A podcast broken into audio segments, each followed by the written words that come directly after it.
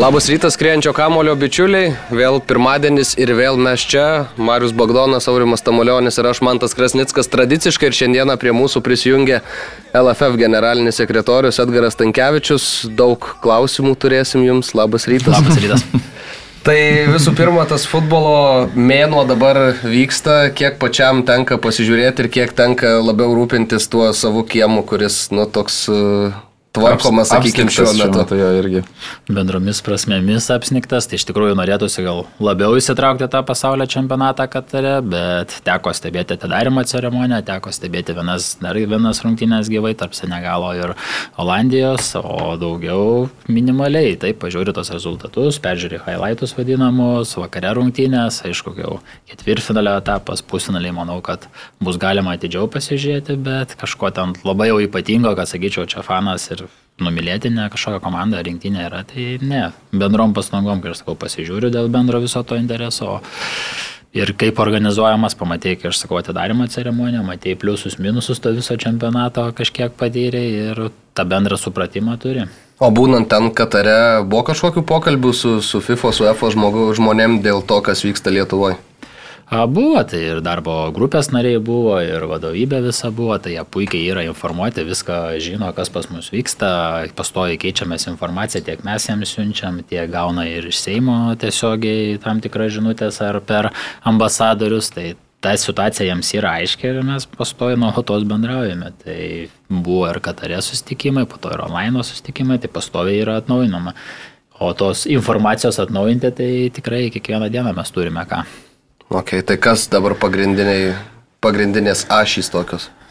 Tai dabar, kai aš sakau, ką mes ir pačioj pradžioj traktavom visą laiką, laikome savo nustatyto plano, tą, ką ir buvom sutarę paskutinio vizito Lietuvoje metu, tada, kada buvo, kai sakau, pirmasis susitikimas gyvas trišalis tarp Seimo, tarp federacijos ir tarp FIFA ir UEFA atstovų, kurie viešėjo Lietuvoje, tai jau tada pasakėme, kurie kryptimą einam, kad kokios yra procedūros ir kokios yra laikai įsipareigojimai, tai kol kas nuo to nenukrypstam ir laukiam gruodžio 21 dienos, kada nedėkingas periodas irgi turint omeny, kad tas Kataro čempionatas, finalas ir taip toliau, tai didžioji dalis vadovybės bus ten, bet pažadėjo atvykti ir manau, manau, kad gruodžio 21 konferencijoje bus priimti atitinkami sprendimai ir dalyvaujant tiek UEFA, tiek FIFA atstovams. Išplauksit iš šito? Manau, kad taip ir ta situacija iš tikrųjų, aš ją visai kitaip galvojau, kad rutuliosis ir matyčiau, ir kaip ir turėjau nuo pat pradžių vystytis, bet gavom tokį, kai aš sakau, spaudimą ir tokį žiniasklaidos įstraukimą žmonių ir taip toliau. Nebuvo lengva jį atlaikyti, bet aš kažkaip pozityviai tą dalyką žiūriu ir manau, kad bus atitinkamos korekcijos pas mus valdyme padarytos ir po gruodžio 21 žiūrėsime į priekį ir toliau galėsim daryti tam tikras esminės pertvarkas Lietuvos futbolo federacijos gretose ir bendrai Lietuvos futbole. O ką turite omenyje, kalbėdamas apie tai, kad, na, įsivaizdavot kitaip, kad visas tas procesas. Aš manau pat pradžių, kai vasarą gavom tą iškvietimą, vadinamą raštą iš Seimo, tiek biudžeto ir finansų komitetas, tiek jungtinis jaunimo ir sporto reikalų komisijos, tas raštas, tai dėl to vadinamo, dėl Lietuvos futbolo ir finansavimo perspektyvos, tai jau iš karto kažkaip skambėjo labai įdomiai, tai teko bendrauti tuo metu gavom prieš savaitę tą pakvietimą į fizinį susitikimą, tai tiksliau nuotolinį susitikimą, tai iš tikrųjų domėjomės su ŠMSM, tai daug kas kėlė klausimą, galbūt čia federacija kelia klausimą dėl didesnio finansavimo į ateitį žiūrint ir taip toliau. Tai toks užvažiavimas buvo labai stiprus ir tikrai nesitikėjom, norėjosi to rasti dialogą ir pasikalbėti. Taip, aš suprantu, kad iš Seimo pusės buvo vienas ar antras bandymas irgi per peticijas, per tam tikras įstatymų pataisas, bet aš manau, kad vėlgi, jeigu būtų taip adekvačiai žiūrint, tai turėjom sėsti visi prie dialogo, pasikviesti FIFA, UEFA ir tiesiog viską aptarti. Nemanau, kad reikėjo čia tokių skambių pareiškimų, tiesioginio įstatymo dėl tiesioginio valdymo įvedimo ir taip toliau. Tai manau, kad gyvenam atitinkamam laikmetyje ir galima buvo kitaip pasielgti, bet matomai irgi yra, kas patarinėja Seimo narius, matomai irgi artėja tiek savivaldos rinkimai, tiek galbūt pasiruošimas 24 metų Seimo rinkimams, paėmė tokią taktiką, kas patarė, galbūt turi irgi PR specialistus ir taip toliau. Tai dirbam su ta situacija. Manau, kad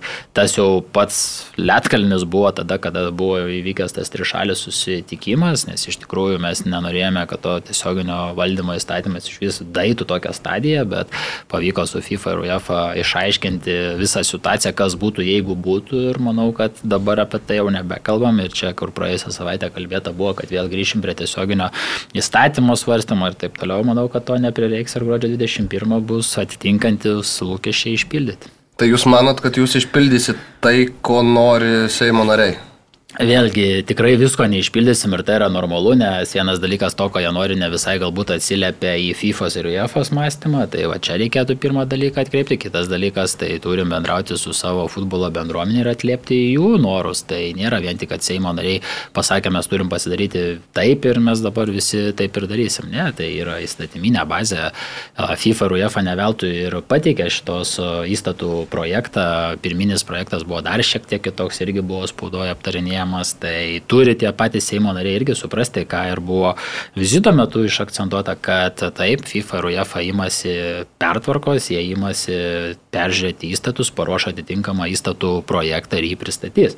Po to gauto pirmojo pristatymo mes patys matėm, kad daug dalykų netlėpia į tai, ką norėjo Seimo nariai. Tai per darbinę grupę, per vykdomojo komiteto posėdžius, kada turėjome šios sustikimus, pavyko irgi šiek tiek įrodyti savo tiesos, pasidiskutuoti, pravesti dėrybą su FIFA ir UEFA, kodėl vienu ar kitu atveju reikėtų priimti atitinkamus sprendimus ir turime tą tokį bendrą jungtinį projektą, kad išeiti iš tos visos situacijos. Bet jeigu taip žiūrėti po eiliui, tai taip, Seimas girdėjom apeliuoja tai, kad klubai nėra visi įtraukti, bet realiai nu, neįmanoma šiandienai pagal UEFA ir FIFA visus įtraukti iš jų pusės, kitas dalykas iš asociacijų įstatymo. Tai jeigu jau taip dabar kalbėti, ko atlėpiam, ko netlėpiam, tai imkim paprastai.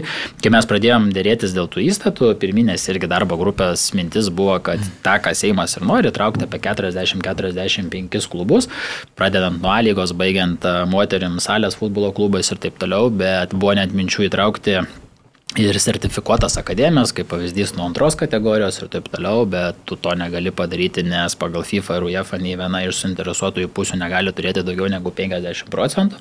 Tai tas iš karto atkrito, plus yra dvigubo atstovavimo teisės eliminavimas, tai jeigu pavyzdys turime vieną ar kitą klubą ar A lygos ar pirmos lygos gretose konferencijos sudėtyje, tai jau reiškia, kad asociacija tokia kaip A lyga ar asociacija kaip pirma lyga nedalyvauja kongrese, tai irgi tas atkrito arba eliminavo tam tikrą dalyką.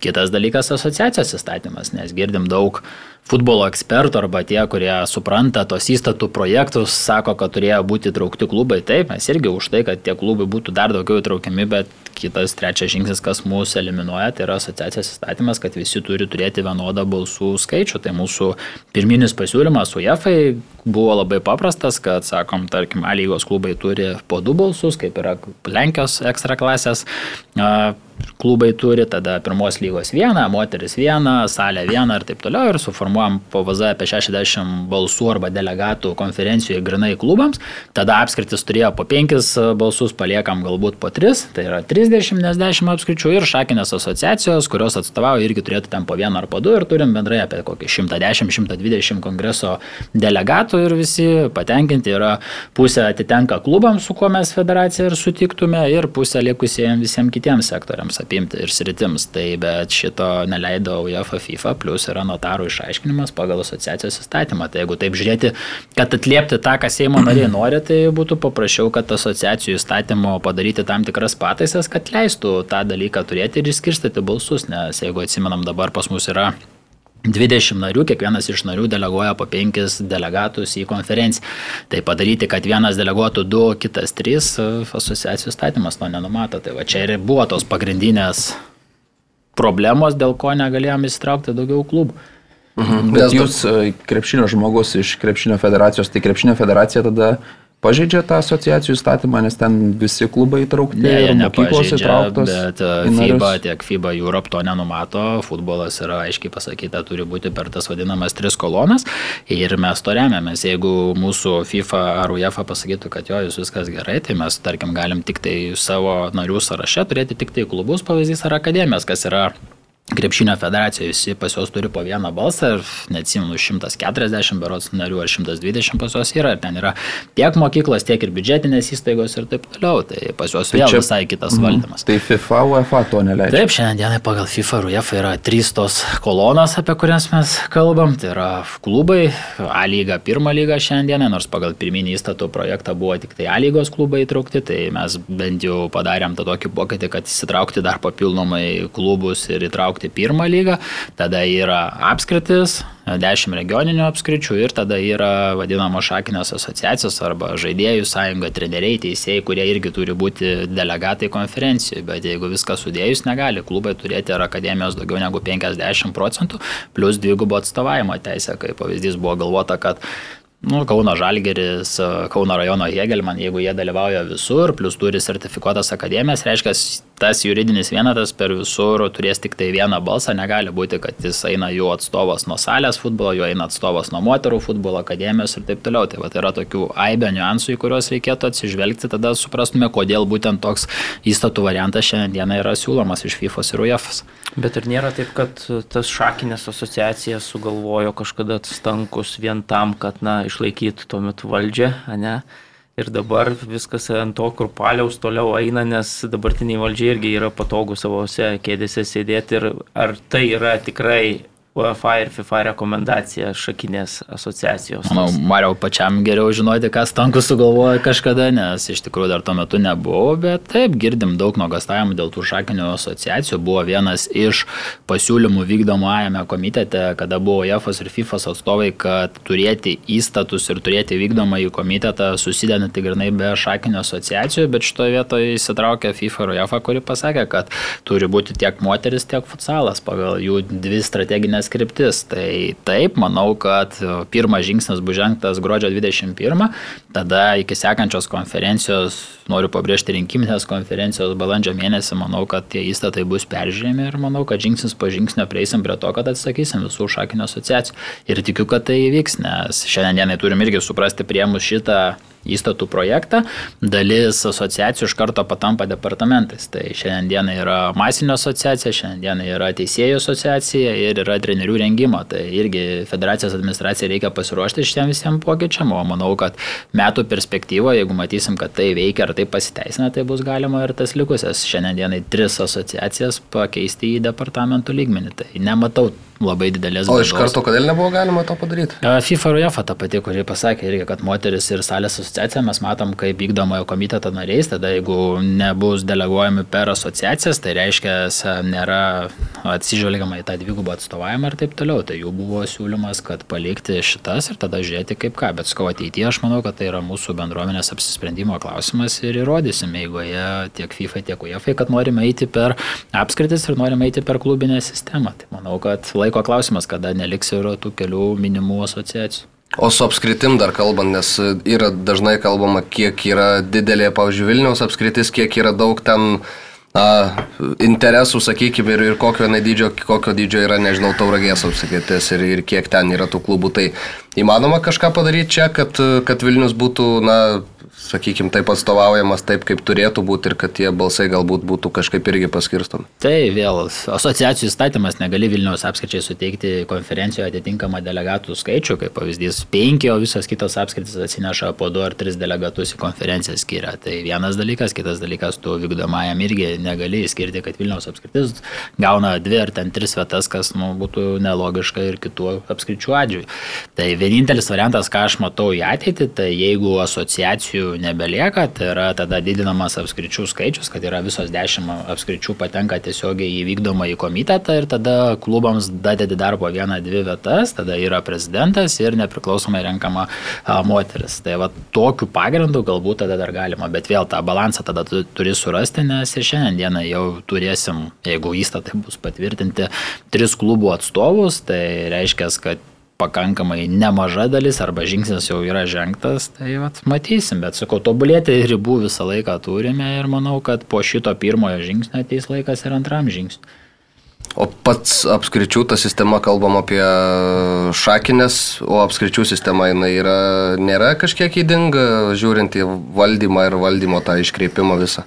Tai matot, jeigu kalbėsim apie apskritis, kad apskritis yra įdingas dalykas, asociacijos yra įdingas dalykas, tai tada paliksim tik klubinę struktūrą, vien tik klubai negali būti narių sąrašuose arba priiminėjantys sprendimus, nes ta pati UEFA FIFA irgi matom, kad turi tam tikrų niuansų, kada klubai nori priiminėti atitinkamus sprendimus, dėl to ir yra bandoma rasti tą balansą tarp visų tų suinteresuotų šalių. Šiuo atveju mūsų atveju yra asociacijos, regioninės apskritis ir klubai. Tai bandom tą kompromisą surasti. Po VZ praeitą savaitę turėjom susitikimą su pirmos lygos klubais irgi bandėm paaiškinti, kodėl kas kaip yra. Tai jie po to susitikimo liko tikrai patenkinti, kai sako, mes neturėjom nieko, šiandienai turim šešis, turėsime, jeigu bus įstatai patvirtinti, šešis klubus atstovaujančius mūsų konferencijoje, tai kiekvienas klubas atsineš po du balsus, tai reiškia, jau tarkim pirmos atveju lygos turės 12 balsų, plus tiesioginiai vykdomojo komiteto narį turės pirmos lygos valdybos pirmininkas ar prezidentas. Tai jie tais pokyčiais patenkinti, aišku, visą laiką norisi, kad visi 10 lygos klubai būtų, visi 10 ar 11 pirmos lygos klubų atmetant dublerinės komandas būtų, bet nu, tada iškreipsim visą tą vaizdą ir tada didžioji dalis bus sprendimų klubų rankos. Tai kiek šeši kodėl? Todėl, kad 50 e, procentų nesudarytų. Jo, nes buvo pirminė variantas pasiūlytas tik tai 10 lygos klubų, mes sakom tikrai per mažai ir mes norime daugiau, tai buvo tada variantas galbūt 10 lygos klubų ir 4 pirmos lygos klubai, tai mes sakom, tada geriau darom 8, pirmos, 8 A lygos klubus ir 6 pirmos, bent jau, kad tą tokį miksą padaryti ir pusiausvyrą atrasti, nes ta 90 lygos vieta, jinai 10 vieta tikėtina, kad automatiškai krenta į pirmą lygą, tai čempionas ateina pirmos lygos, tai irgi gali sakyti, kad atstovaus kaip ir A lyga, nes jau bus A lygos dalyvis kitame sezone, o 9 vieta irgi neaišku pagal peržaidimus, tai bus visiems aišku, yra dėl ko stengtis, 8 top vietos gauna tiesiogiai į konferenciją ir 6 šešetukas pirmos lygos gauna. Tai va, tokia logika buvo.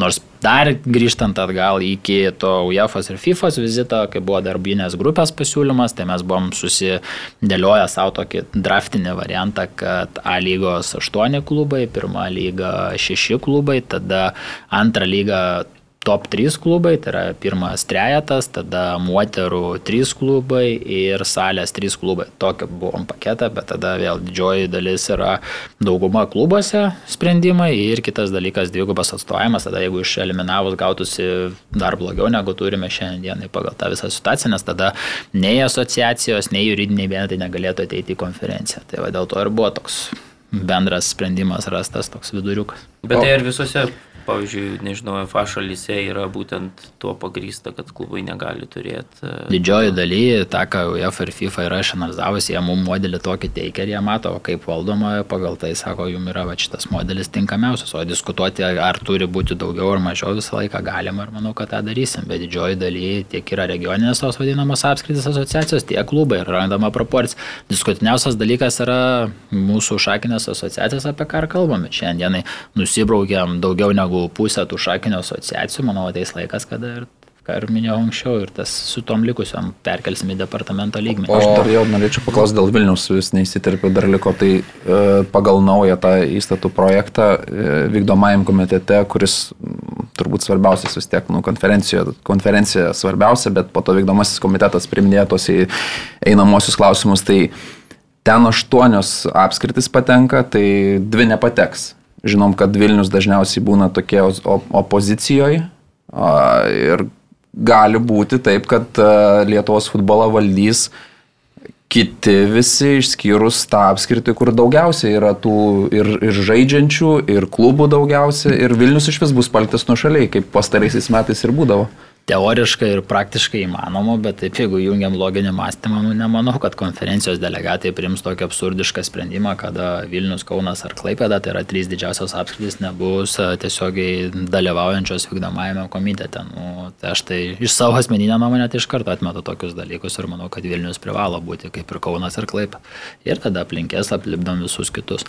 Lygiai tas pats buvo irgi pasiūlymas, kad galbūt turėtume tik tai penkias ar šešias apskritis, regioniniais principais suskirstyti ir taip toliau. Dar anksčiau buvo siūlymas rotacijos principas, nes pagal pirminį FIFA ir UEFA pasiūlymą turėjo būti rotacija, tai buvo mintis, kad galbūt penkios apskritis eina, kaip ir anksčiau būdavo vieną kadenciją, penkios apskritis kitą, bet kas gaunasi, kad pagal dabartinį mūsų čia jau mums sutrukdė šitą įsitraukti punktą, tai būtent sporto įstatymas per šamasam, nes tada negalėtume turėti gautųsi, jeigu tu kandidatuoji, tai gautųsi tavo kadencija 10 metų, kaip pavyzdys, jeigu darom rotaciją ir ta rotacija būtų skaičiuojama nuo 24 metų ir jeigu na, aš kaip apskrities vadovas 24 metais esu išrenkamas, UEFA siūlė ir FIFA tokį variantą, kad tu esi pirmą kadenciją dviem metam, kad užtikrinti tą rotaciją, tada jeigu po tų dviejų metų vėl tu esi perrenkamas, tada esi keturiem ir tada tu jau šešiem metam maksimali tavo kadencija yra, tai jeigu dar kartą tave perrenka, tada tu jau užbūni 10 metų, kas kas jau netitinka sporto įstatymą, tai dėl to mes su FIFA ir UEFA susikalbėjome, kad tos rotacijos šiandienai nedarom, darom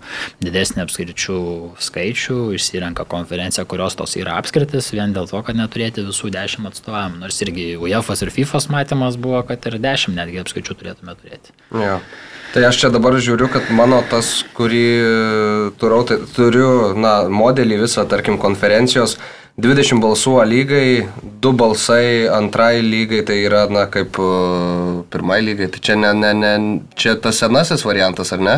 Jūs dabar kalbate apie konferenciją. Apie konferenciją. Tai čia yra senasis. Taip. Okay, mm. okay, tai Šiandien dienai pagal ja. tą modelį nei A lyga, nei pirma lyga tokio kaip juridinio vieneto dalyvio teisės neturės konferencijoje, mm. turės klubai, tai tada imkim taip, kad mes turėsim Jeigu viskas gerai, 64 delegatus pagal tokią tvarką, tai A lygos klubai turės 16 balsų, pirmos lygos klubai 12, tai turim 28, 20 turės apskritis, tai 48 ir tada likusios šakinės asociacijos po 2 balsus turės, neskaičiuojant A lygos ir pirmos lygos. Ten gerai, kodėl po 2 balsus man visada kyla klausimas, kodėl nu, dabar po 5. Iš pradžių šis po 5 būdavo. Do, jo, ka, ka, kas čia nustato, kodėl ne po 1, kodėl ne po 3, ne po 10, nežinau. Tai vėlgi žiūri pagal dydį, konsultuojasi su teisininkais ir su FIFA ir UEFA. Nu, šiandien, jeigu mes padarytume visiems po vieną balsą, tai kongresas būtų iš 32 žmonių arba atstovų. Tai truputėlį per mažas, jeigu mes turėjom šimtą. Ta riba, kada per mažas, kada per Tai čia diskutavom, buvom ir su vykdomuoju komitetu nariais, su UEFA ir FIFA, užklausinėjom, kas nusprendžia pagal pirminį UEFA ir FIFA pasiūlymą, kad turi būti tik 11 vykdomojo komiteto narių. Pas mus buvo šiandienai 20, pagal pirminį jų atsiųstą draftą buvo 11, drastiškas mažinimas praktiškai per pus.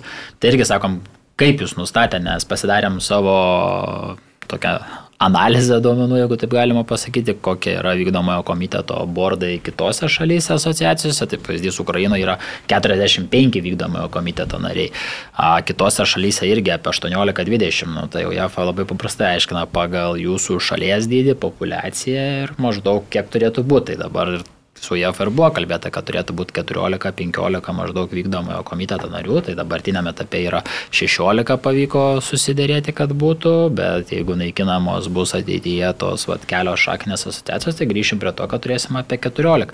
Kada kalbėti apie tą delegatų kiekį, ar 3 ar 4, vis tiek tai yra vienas ir tas pats balsas, nes irgi buvo kilę niuansai, kad pavyzdys, jeigu, kai sakėte, į konferenciją aš deleguoju 5 atstovus ir jeigu pavyzdys, arba vat 4 mes esam keturiese ir jeigu vienas iš mūsų balsuoja kitaip, ar tai pagal asociacijų statymą traktuojasi kaip priimtas sprendimas ar ne, nes pagal asociacijų statymą, kaip ir teisininkai žiūrėjo, kad mes visi keturiese turėtume vienodai balsuoti, tada mes suskaitom kaip balsas. Tai tada tikslo jokio nėra, bet kadangi išaiškinimas yra, kad gali skirtingos nuomonės būti ir tu nesi priverstas, tada vat, priemam prie to, kad mažinam tą delegatų skaičių, dabar turėjom šimtą. Tai iki 64, nes, nu, jeigu 3 duosim delegatus, tai bus 96, tai va dėl to, to, to tokia matematika ir paprasta, o nusisprendžiam mes kartu su FIFA ir UEFA, galim ir dar plėsti, bet visi kalba. Jeigu taip kalbėti apie plėtimą, tai Seimo prašymas ir buvo išplėsti FIFA ir UEFA sako, ne, pas jūs kaip tik reikia mažinti ir mes kartu per visas asociacijas, ką strategiškai per visą Europą darom, tai mažinam vykdomojų komitetų skaičių ir delegatų skaičių konferencijų. Nors vykdomasis komitetas irgi sako apie demokratinius principus, kur lengviau susitarti. Jeigu taip neoficialiai kalbant per pirminės diskusijas, tai UEFA ir FIFA sako, pagal jūsų šalies dydį turėtų būti vykdomasis komitetas iš 7, 8 ar 9 vykdomojo komiteto narių tik tai. Bet gerai, jūs asmeniškai vis tiek dalyvaujate vykdomo komiteto. Mes žinom, žinom, žinom vykdomo komiteto, ten irgi narių, kaip kas dalyvauja, Taip. kas pakelia pas mus ten rankas tik tai ir kiek ten iš vis aktyvių tų yra. Tai ar gal ir tiesa, kad, na, ten 7-11 mums užtektų visiškai vykdomojo komiteto narių, kurie, na, normaliai vis tiek ten, nu, tikrai yra tokių narių, kur žinau, kad, kad nei ten kažką pasako per tą vykdomojo komiteto posėdį, tik tai pakelia ranką vienu kitu sprendimu, kartais paburba ir, ir viskas to pasibaigia iš dabartinių. Ar tikrai jau tie? Mano asmeninė nuomonė, tai kuo daugiau yra sunkiau susitarti ir priimti sprendimus, tai jeigu mes būtume septynėse ir priminėtume visus Lietuvos, su Lietuvos futbolu susijusius sprendimus, tai man tai kaip tik daugiau atsirastų intrigos arba tam tikrų samokslo teorijų dėl susitarimo ir taip toliau. Tai kai yra 20, tai yra sunkiau įtikinti, kad balsuotų vienaip arba kitaip ir kad priimtų, sakykime, palankų kažkam sprendimą prie 7 ar 8 ar 9, ką mes FIFA ir UEFA sakėm, nu, tikrai yra ganėtinai lengva susitarti arba žymiai paprasčiau.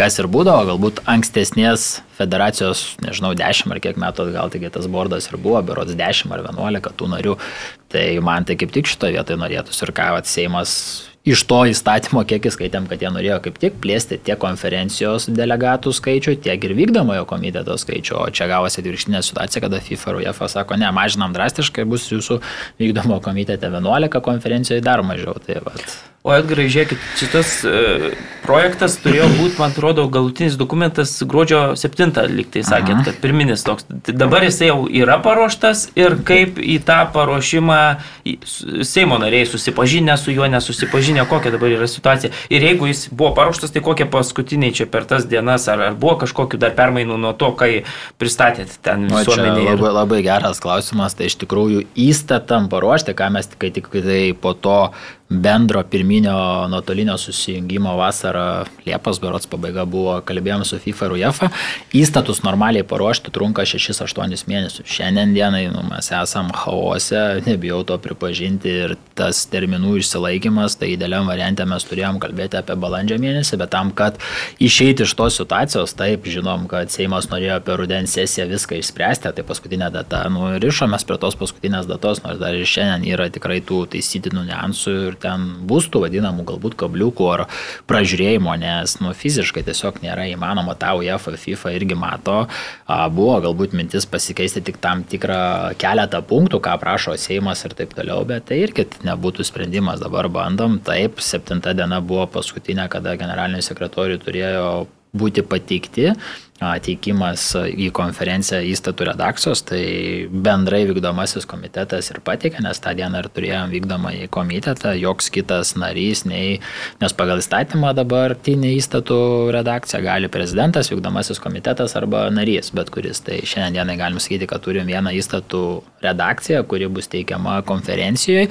Tvirtinomės 7 dieną išlygą tokią, kad korektūros klaidos gali būti taisomas, tai šiandieną vyksta bendravimas su FIFA ir UEFA, nes turim suprasti, FIFA ir UEFA atsiuntė mum angliškus variantus, tada jie visiškai dar netlėpia į mūsų esamą situaciją, tada siunti vertėjai, kad vertėjai išverstų, tada siunčiam teisininkam, kad pritaikytų pagal šamasama su dabartiniais mūsų įstatais ir taip toliau tą visą redakciją, tada siunčiam atgal FIFA ir UEFA ir prasideda tos dėrybos. Tai šiandien dieną irgi dar yra tų vadinamų taisytinų klaidų arba ten terminų savokų išaiškinimas. Ne, atsiprašau, kad pertraukiau, ne, ne Dunausko žmona. Ne.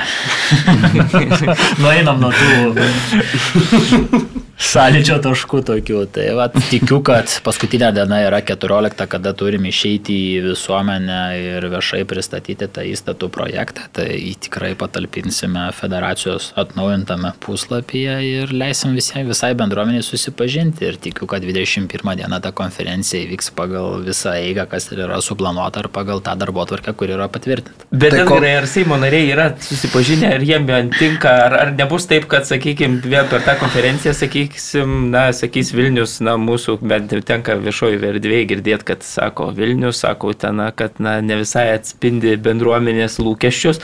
Ir tada vėl Seimo nariai, na, apeliuodami į tai sakys, tai nei mums čia kažkas pateikė, nei mes nesutinkam ir, ir, ir tie įstatymai. Galimai, kad gali tai būti ir labai realu, bet turi suprasti ir mūsų, ir FIFA ir UEFA pusę, nu, per tiek laiko įstatus paruošti, nu, fiziškai, žmogiškai nėra įmanoma, o dar nekalbu apie tai, kad supažindinti, ką mes kalbam, praeitą savaitę pirmos lygos klubų susirinkime, ką ir sakiau, tai mes turėtume eiti su Seimu, pristatyti Seimui visą šitą situaciją, išdiskutuoti tos, nes aš jau pats matau, kad ne visus mes netlepiam, ką mes ir kalbėjom, tos punktus, ką Seimas įpareigojo mūsų atlikti.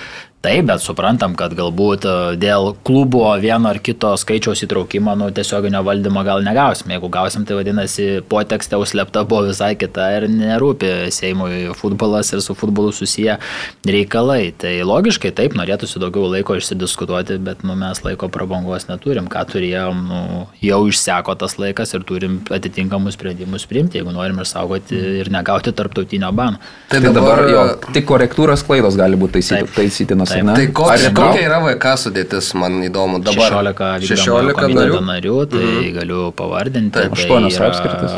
Taip, 8 apskritis iš 10 renkamos konferencijoje, tada turime 3 klubo atstovus, tai yra lygos prezidentas, pirmos lygos valdybos pirmininkas ar prezidentas, yra lygos klubas, tai turime 11, tada yra 3 šakinės asociacijos, tai yra salės ir paplūdimio, moterų asociacija, vaikai ir jauniai, turim 14, tada yra prezidentas ir renkama moteris konferencija 16. Vaikai ir jaunimas, tai čia Rūnas Pukelis.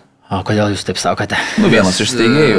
Taip, bet yra... nėra Rūnas, vienas iš steigėjų yra Tauragės Tauro akademija, o iki konferencijos galbūt bus irgi atitinkami sprendimai priminėjami, o šiaip jeigu kalbant apie vaikų ir jaunių ūkdymo asociaciją yra labai paprastai, jeigu įstatai šitie konferencijoje yra priimami, asociacija yra įpareigota sausio mėnesį pagal terminus sušaukti savo vadinamas rinkimus, tai yra įstatų atlikti pakeitimus, nes šiandieną Anderlechto projektas yra pasibaigęs, dabartiniuose asociacijos įstatuose yra numatyta, kad nariais gali būti asociacijos tik tai su Anderlechtu dirbančios akademijos, kas jau visiškai netlėpia šių dienų realijos, tai mes keičiam į tai, kad sąrašų arba narių sąrašuose turėtų būti akademijos, kurios yra sertifikuotas, nes einame per sertifikavimą ir nuo antros iki penktos kategorijos akademijos privalo dalyvauti valdyme ir tada imtis atitinkamų pokyčių. Tai čia tos samokslo teorijos, kas su kuo yra susiję, tai truputį gal per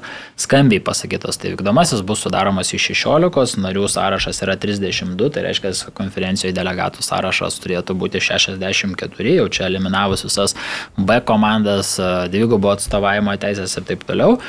Ką dar irgi pakeitėm, ko nebuvo FIFA ir UEFA, ar ką norėjo Seimo nariai ir visa grupė, tai pirminis variantas buvo dėl viceprezidentų rinkimų, tai irgi Seimas reikalavo, kad viceprezidentai būtų renkami konferencijoje, UEFA su FIFA atsiuntė tą įstatų projektą, kuriame viceprezidentai buvo teikiami vykdomajame komitete ir tvirtinami. Tai mes irgi kategoriškai pasisakėm už tai, kad atliepti va, tą Seimo įpareigojimą ir kad konferencijoje, kada išrenkami yra vykdomojo komiteto nariai, konferencijoje yra daroma pertrauka, skelbiamas vykdomojo komiteto posėdis ir tada renkami viceprezidentai, to, ko prašo Seimas. Kitas dalykas, Seimas reikalavo rinkimų čia pat ir nedelsiant, tai pagal FIFA ir UEFA redakciją pirminis variantas buvo 24 metais rišantis prie prezidento kadencijos kadencijos pabaigos, tai irgi pavyko jam įtikinti, kad, žiūrėkit, jeigu mes priimsim šitą reikalavimą tokį, kad 24 metais pas mus yra rinkimai, tai automatiškai Seimas vėl galės interpretuoti, kad tai surišta su būsimais jų rinkimais, kad norim laiko na, nustumti į priekį ir taip toliau. Tai buvo irgi kategoriškai iš federacijos vykdomojo komiteto, kad ne visų rinkimai yra 23 metais, tai reiškia, iki 23 metų balandžio 30 mes turėsime rinkiminę konferenciją, kurioje bus renkamas prezidentas, kurioje kurioje bus renkami visi vykdomojo komiteto nariai, viceprezidentai ir taip toliau. Tai visi tie vadinami valdymo organai. Tai bent jau šitoje vietoje mes atliepiam į Seimo pilną, ką jie prašo.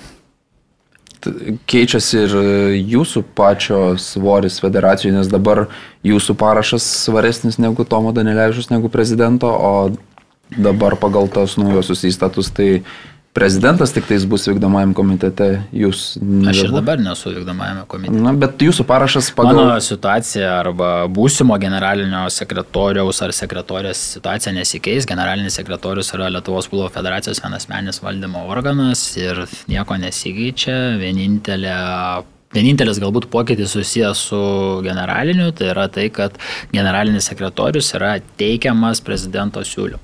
Ir tada vykdomasis komitetas arba tvirtina, arba ne. Tai irgi ganėtinai aštriai su UEFA ir FIFA teko diskutuoti ir būtent per mano prizmę, dėl to, kad žinom, prieš istoriją žinom tam tikrus susiklošiusius faktus apie šuogerius, apie visus kitus dalykus, apie kuriuos buvo spaudoje kalbama, tai būtent buvo irgi noras toks, kad galėtų teikti generalinio pasiūlymą tiek prezidentas, tiek vykdomasis komitetas, bet kuris iš vykdomojo komiteto narių, tiek ir viešai skelbiamo konkurso būdu, bet po visų diskusijų su FIFA UEFA jie paliko, kad tik prezidentas gali pasiūlyti generalinio, vykdomasis tvirtina ir vykdomasis atleidžia generalinį sekretorių, jeigu tas yra būtina, kaip sakoma, ir taip toliau. Tai tokie yra pakeitimai susijęs su generaliniu, tai generalinis ir toliau išlieka vienas menio valdymo organas. Okay. Kalbant apie kadencijų dar vėl skaičių, kai yra ten apibriešta, žinom, kiek šaršalo sukėlė praėjusiais mhm. metais, čia turbūt pakeitimai tie įstatų, dabar gal kai nauji įstatai vėl viskas nusinulina ir, ir vėl kokia yra dabar situacija. Tai mes toliau vadovausimės šamasam ir sporto įstatymo išaiškinimu, o UEFA ir FIFA yra maksimalus 12 metų terminas, tai reiškia 3 kadencijas po 4. Pagal mūsų sporto įstatymo išaiškinimą yra nedaugiau kaip 8 metai, tai gali būti 4 kadencijos po 2 metus arba 2 kadencijos po 4 metus, tada gali padaryti pertrauką ir vėl vėl sugrįžti.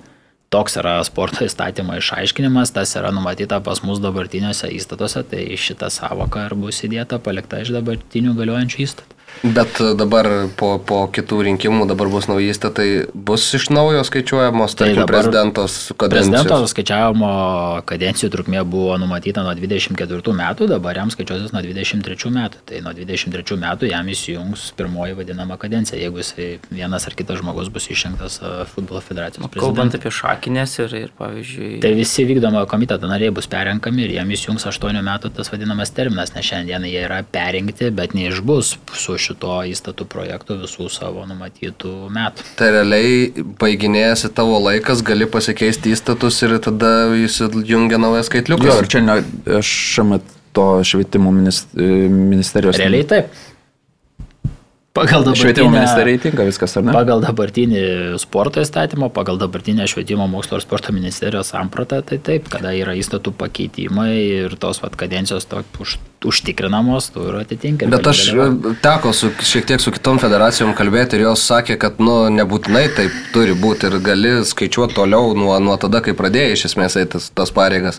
Ir čia tu turi du kelius gali pasirinkti tą savo naudingą ir nusinulinti viską, arba gali pasirinkti tą kelią, kuriuo eina kiti, tą sažiningesnį mano matymų kelią, kad, na, jau jeigu tu dirbai tuos keturis metus, tai tu, nu, nepamiršti, neužsimerki, kad dirbai. Jo, ir sakėt, kad šakinės e, vėl peržiūrėsit, vėl įstatų bus pokyčiai, tai vėl nusinulinsit. Tai čia gali visą laiką tuo remtis, bet jeigu mes darom įstatų projektą ir jį priemam ir jau sakom, kad čia yra kardinalus pas mus perversmai ir procesai, tai nuo to tu ir skaičiuoji tą atitinkamą kadencijų trukmę. Nu, tai kaip pavyzdys FIFA ir UEFA nesupranta, kodėl a, šiandien dienai generalinio sekretoriaus kadencija yra limituojama, nes, nu, kaip pavyzdys sako, premjerė Lietuvoje irgi skiria Bet jeigu jinai susitvarko su savo pareigom, jeigu jinai dirba gerai, tai jinai galėtų būti atitinkama metų skaičių, tai tas pats yra ir su generaliniu. Jeigu jisai yra vienas menis valdymo organas, administracijos vadovas atsakingas už visą ūkinę federacijos veiklą ir jeigu jisai dirba gerai, tai jis gali dirbti ir 10 ar 15 metų. Bet tai va čia yra tokių niuansų, kurie yra diskutuotini ir jie irgi įstatų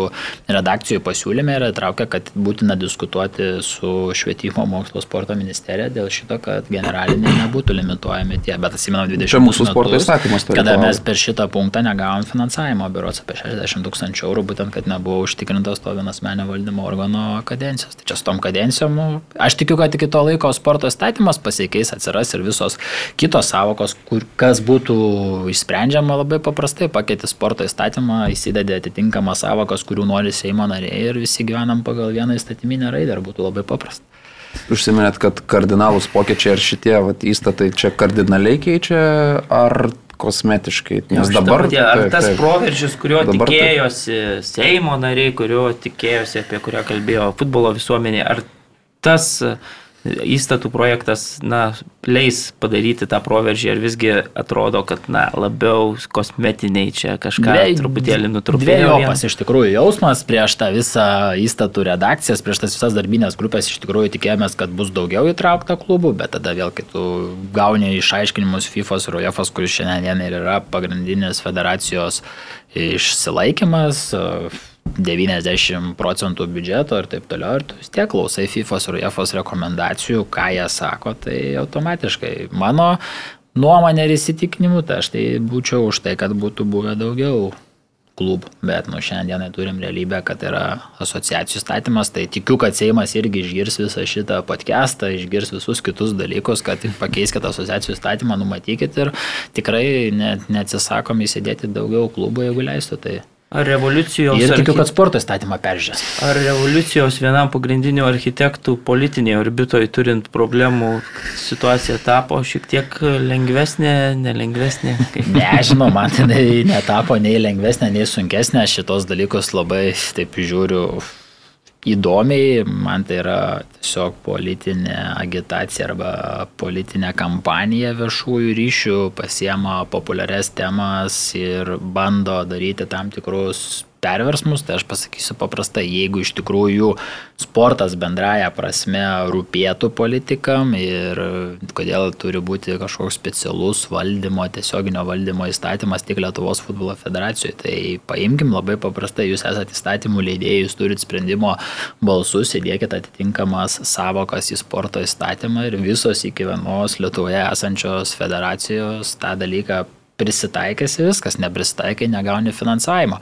Dabar taip šiandienai mes esame didžiausi turtingiausi, jeigu galima tai pasakyti, ir mažiausiai, jeigu taip žiūrint proporciškai, pagal biudžeto kiekį gaunantis finansavimą iš valstybės, bet pradeda nuo mūsų, suprantam kodėl, nori dėmesio, pagavo bangą, kad yra populiari tema ir galbūt irgi tai yra susijęs su rinkimais, o tų tokių žinių ir kaip tai turėtų atrodyti ir kas buvo iki tol, tai irgi gaudom signalus, tai nepaslaptis, kad bendravom ir su Vilniaus miesto valdžia dėl naujosios Vilniaus projekto, taigi irgi matom tą poziciją, matom, kaip sprendimai nėra prieminėjami arba jie yra vilkinami, tai čia viena medalio pusė, matom tą kitą opoziciją, kuri nori sugrįžti galbūt į valdžią, matom valstybinės mokesčių inspekcijos atitinkamus priemamus sprendimus, bet šiandienai niekas nekalba apie tai, kad pavyko visgi įrodyti, pavyko su federacijos mokestinių ginčių teisininkais įspręsti šią problemą ir už 13-16 metus turime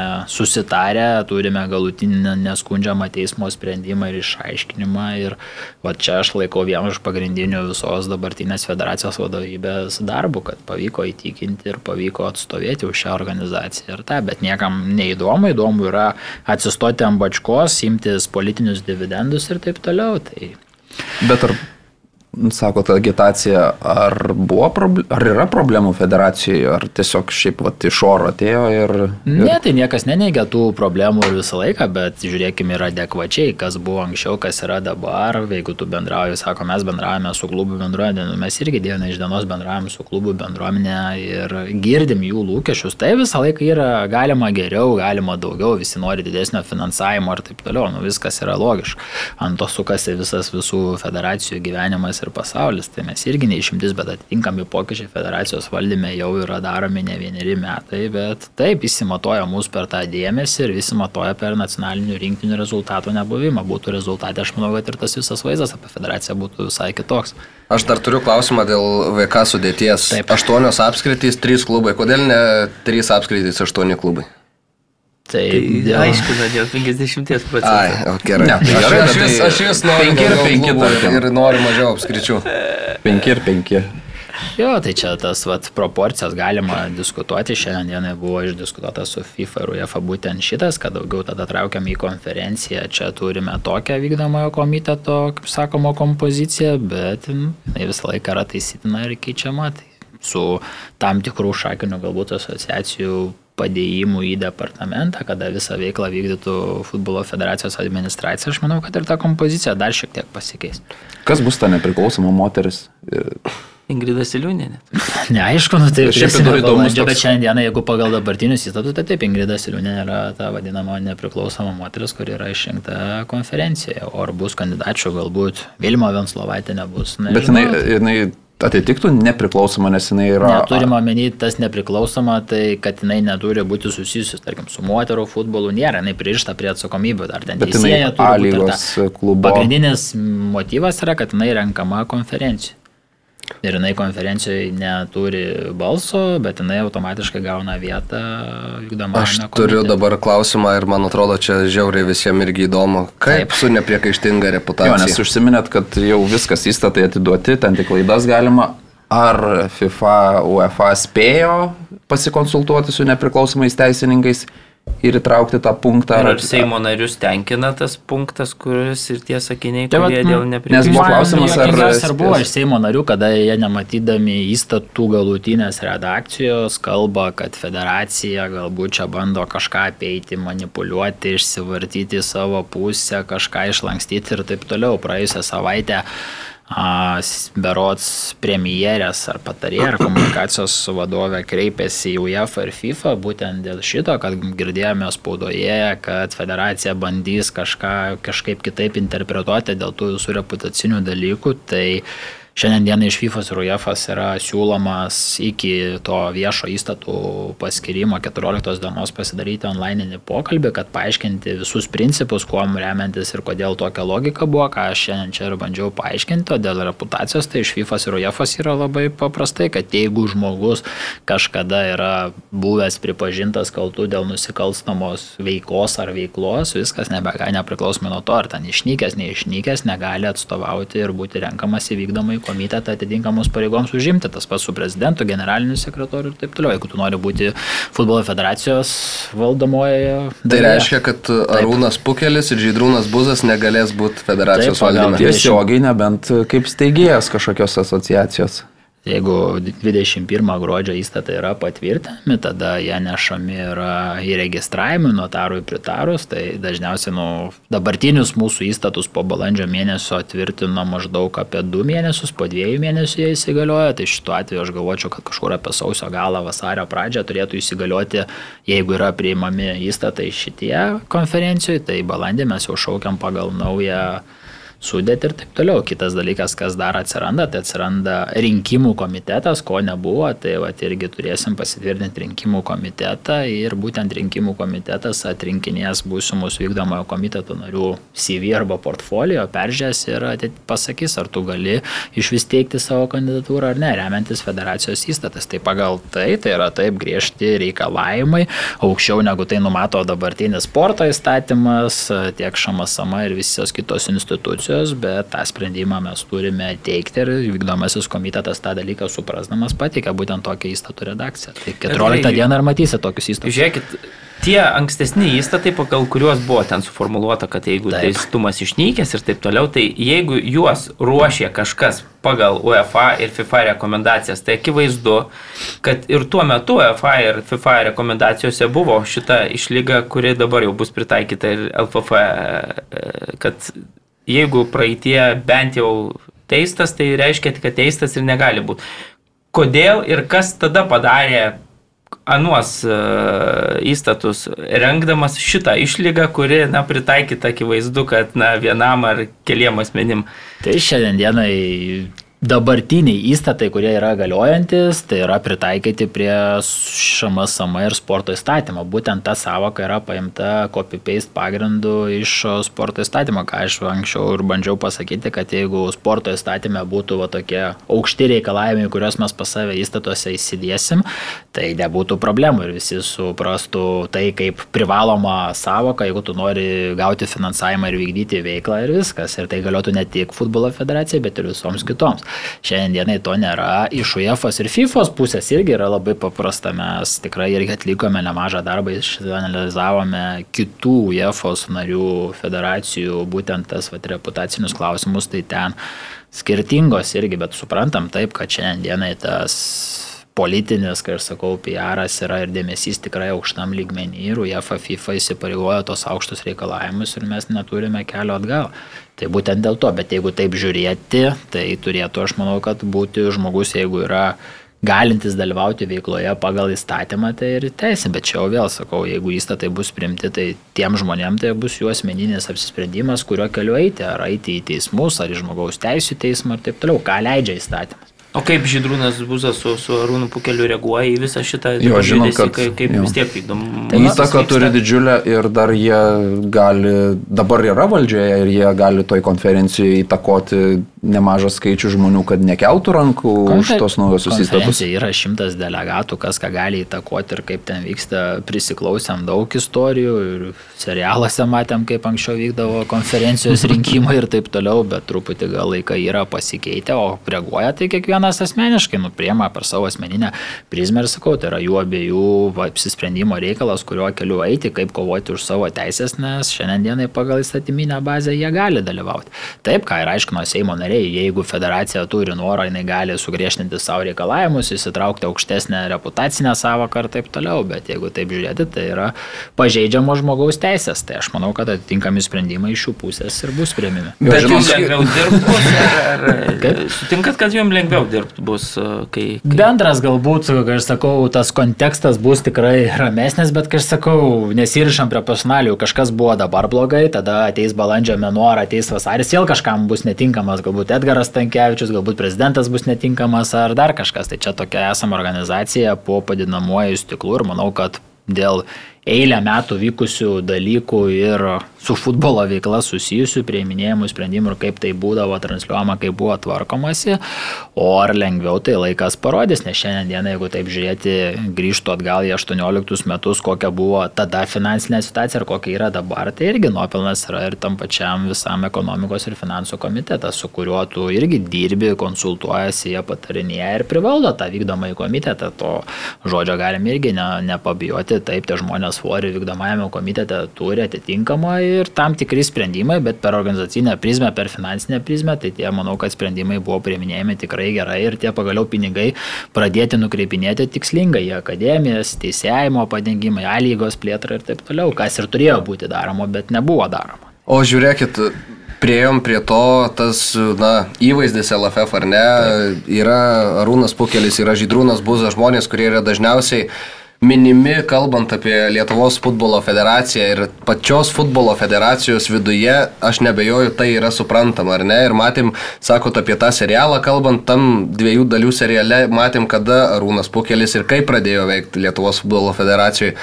Per šitiek laiko nebuvo įmanoma be politikų grasinimų, be kažkokių kitų ėjimų išsiplauta savo marškinius, tuos išsiplauti ir nu, patiem jiem pasitraukti nebuvo su jais, kalbėjo, kad, na, realiai dėl jūsų dviejų iš esmės visi, visas šitas šaršalas kyla ir gal jūs norėtumėt vyrai, nu, užleisti vietą kažkam kitam ir, ir, ir viskas čia nurimtų.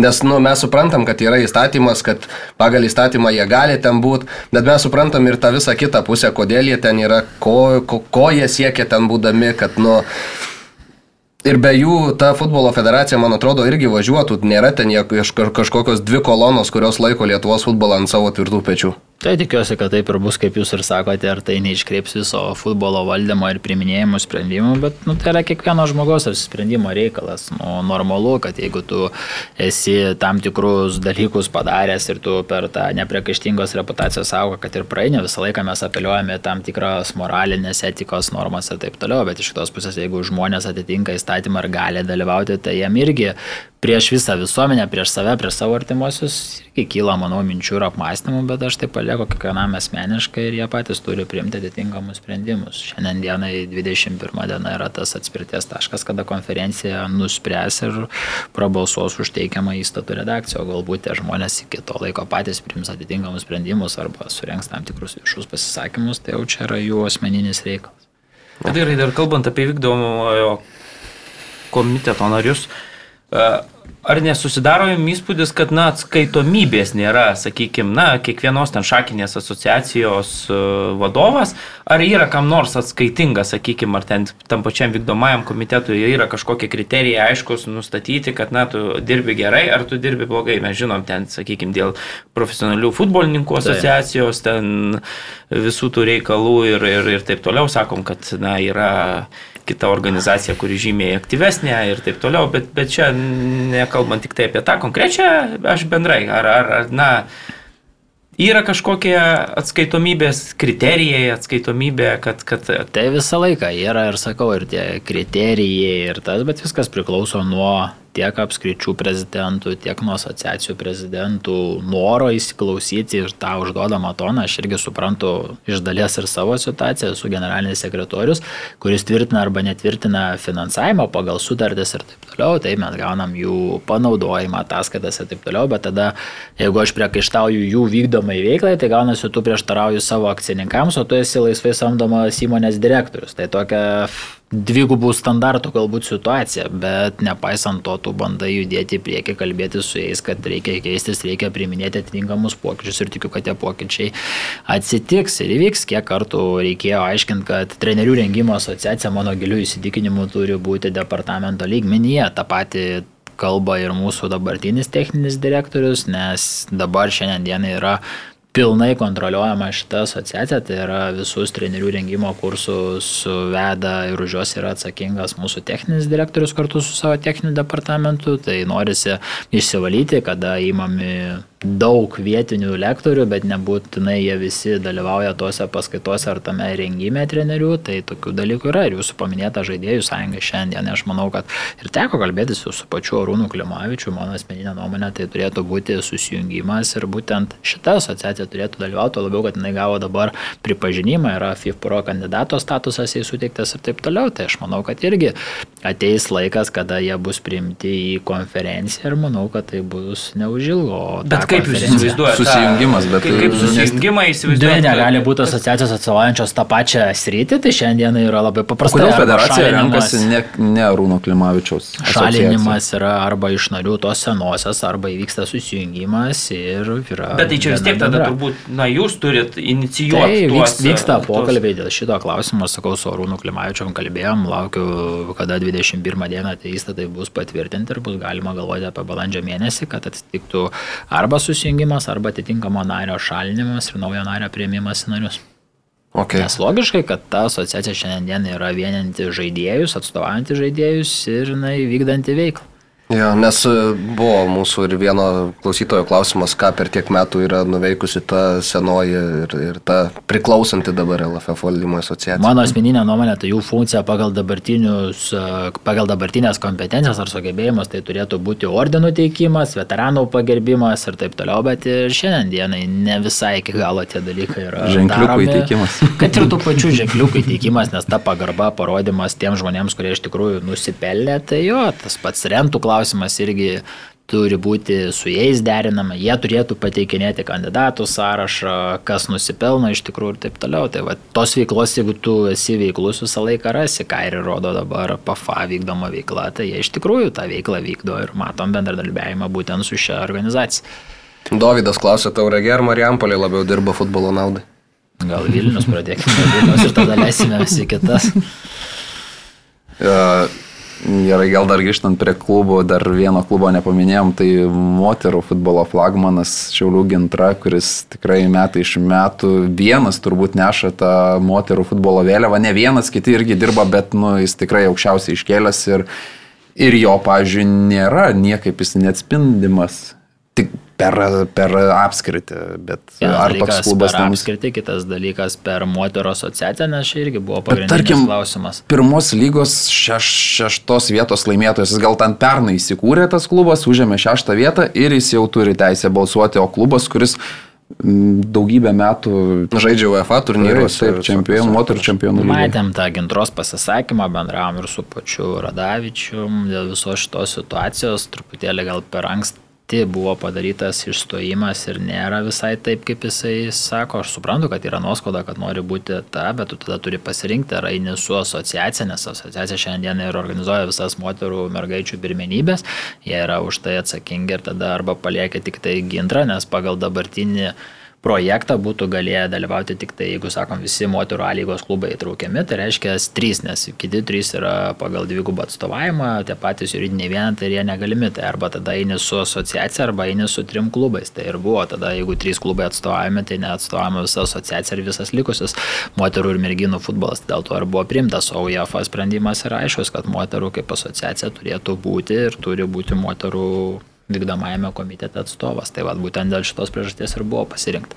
Jeigu grįžtant į tą pradžią, kad leistų asociacijų statymą su tom visom balso teisėm, tai tada paprastai paėmė tos tris klubus įtraukė, nėra dvigubo atstovavimo, įtraukė moterų asociaciją su dar dviem balsais, kaip pavyzdys, ar trim balsais ir vykdomajame komitete automatiška vieta ir visi patenkinti viskas įsisprendžia, bet dėja tai neįmanoma šiandieną pagal įstatyminę bazę padaryti. Galbūt greitų metų pavyks, gal Seimas pakeis asociacijų statymą. Žvelgiant į tą dabar ateinančią konferenciją, mes matom, kad kai kurios šakinės verčiamos departamentais, mes matom, kad kai kurie žmonės, kurie mėgsta būti valdžioje, tikriausiai bus iš jos traukiami. Jūsų paties nuomonė sukils rankos į viršų, prieimant naujus įstatymus? 50 ant 50. Koficijantas neblogas, nu iš tikrųjų, bet, nu, daėm šiandienai tą situaciją, kada turi sukilti tos rankos.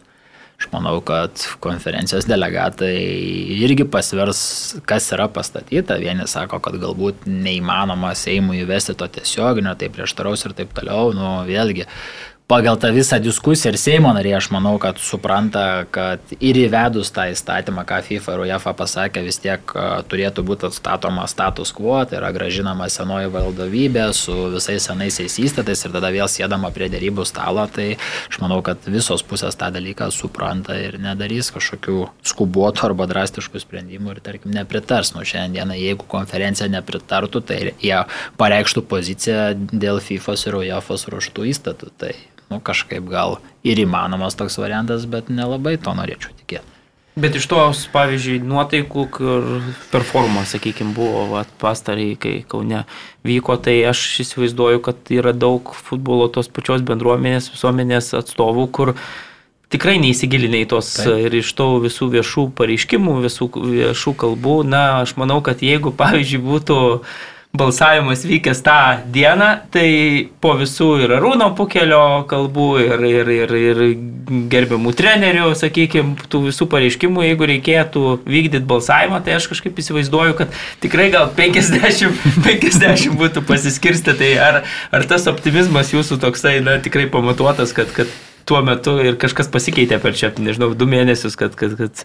Nežinau, nu, turėtų įsijungti mąstymas, va, tos visos situacijos analizė, o kad yra daug nepatenkintų, tai taip ir kad gali konferencijoje atsitikti taip, kad tie įstatai bus nepriimti, nu, įmanomas toks variantas, bet sakau, grįžtant į tai visai, ką paminėjau, nu, tikiu, kad tie įstatai bus priimti ir tada tu galėsi sėsti vėl kartu su ta nauja dėrybinė grupė, eiti pas Seimo narius ir taip toliau kalbėtis dėl tolimesnio paketo. Šiandieną irgi iš mūsų darbo grupės yra paruoštas pasiūlymas A lygos, pirmos lygos ir moterų klubus finansuoti.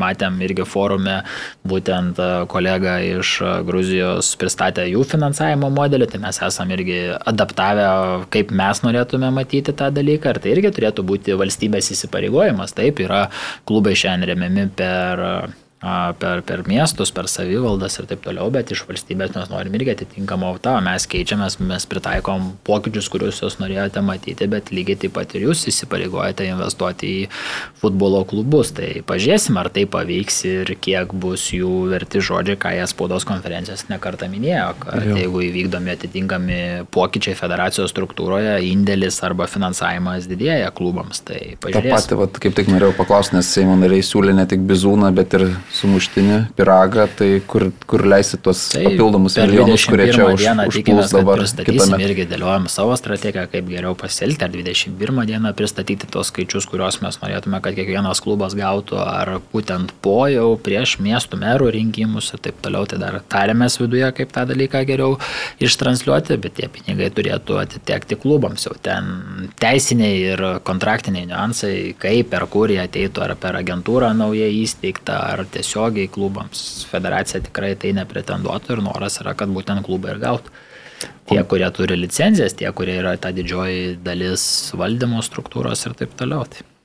Išliekant toje pačioje temoje, bet peršokant nuo įstatų, įmanomas Lietuvoje modelis, kad A lyga būtų nepriklausoma, kaip, pažiūrėjau, LKL. -as su Remigijum linkėjimai, beje, pastoviai diskutuojam šito klausimu ir siekėmybė tokia ir būtų, dėl ko ir buvo, tarkim, mano irgi asmenyje tą diskusiją su FIFA ir UEFA atstovais, kad imkim modelį taip A lygoje dalyvauja 10 klubų. Visi jie šiandieną į konferenciją deleguoja po du žmonės. Nesiriškime prie vardų pavardžių, šiandieną tokia yra susiformavusi situacija, kad A lygos prezidentas yra klubo savininkas.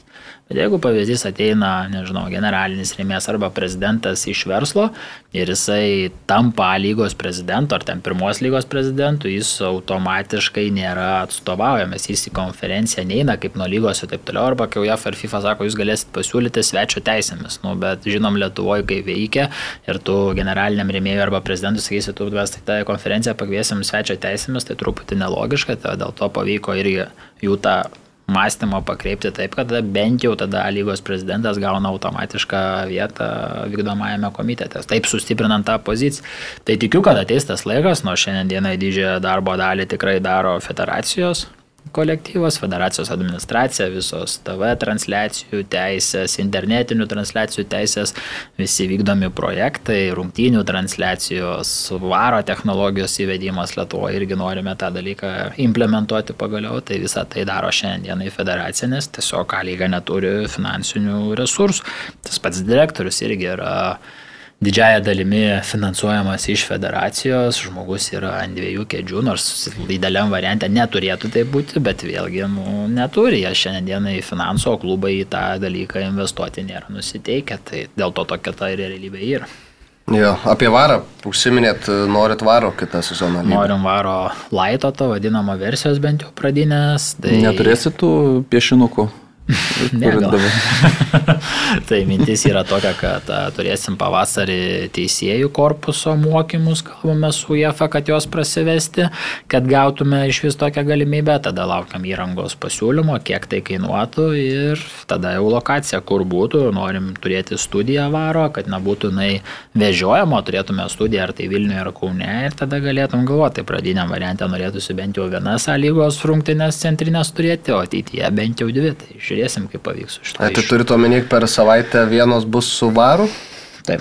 Okay. Tai čia toksai įsivažiavimai ja, ja, visiškai. Pasi, ir... Pasižiūrėti, kaip tai veikia, nes jeigu žiūrėti ir apimti visas, visas lygos rungtynės, nu, tai šiandienai prie visų mūsų ypatumų tai yra nerealu, nes finansiškai, manau, būtų nepatraukiama Bet nebus kažkiek, nežinau, nesažininga, vis tiek vienos komandos daugiau rungtynių sužais su varu, kitos mažiau, kur reikės varo, ten varo nebus.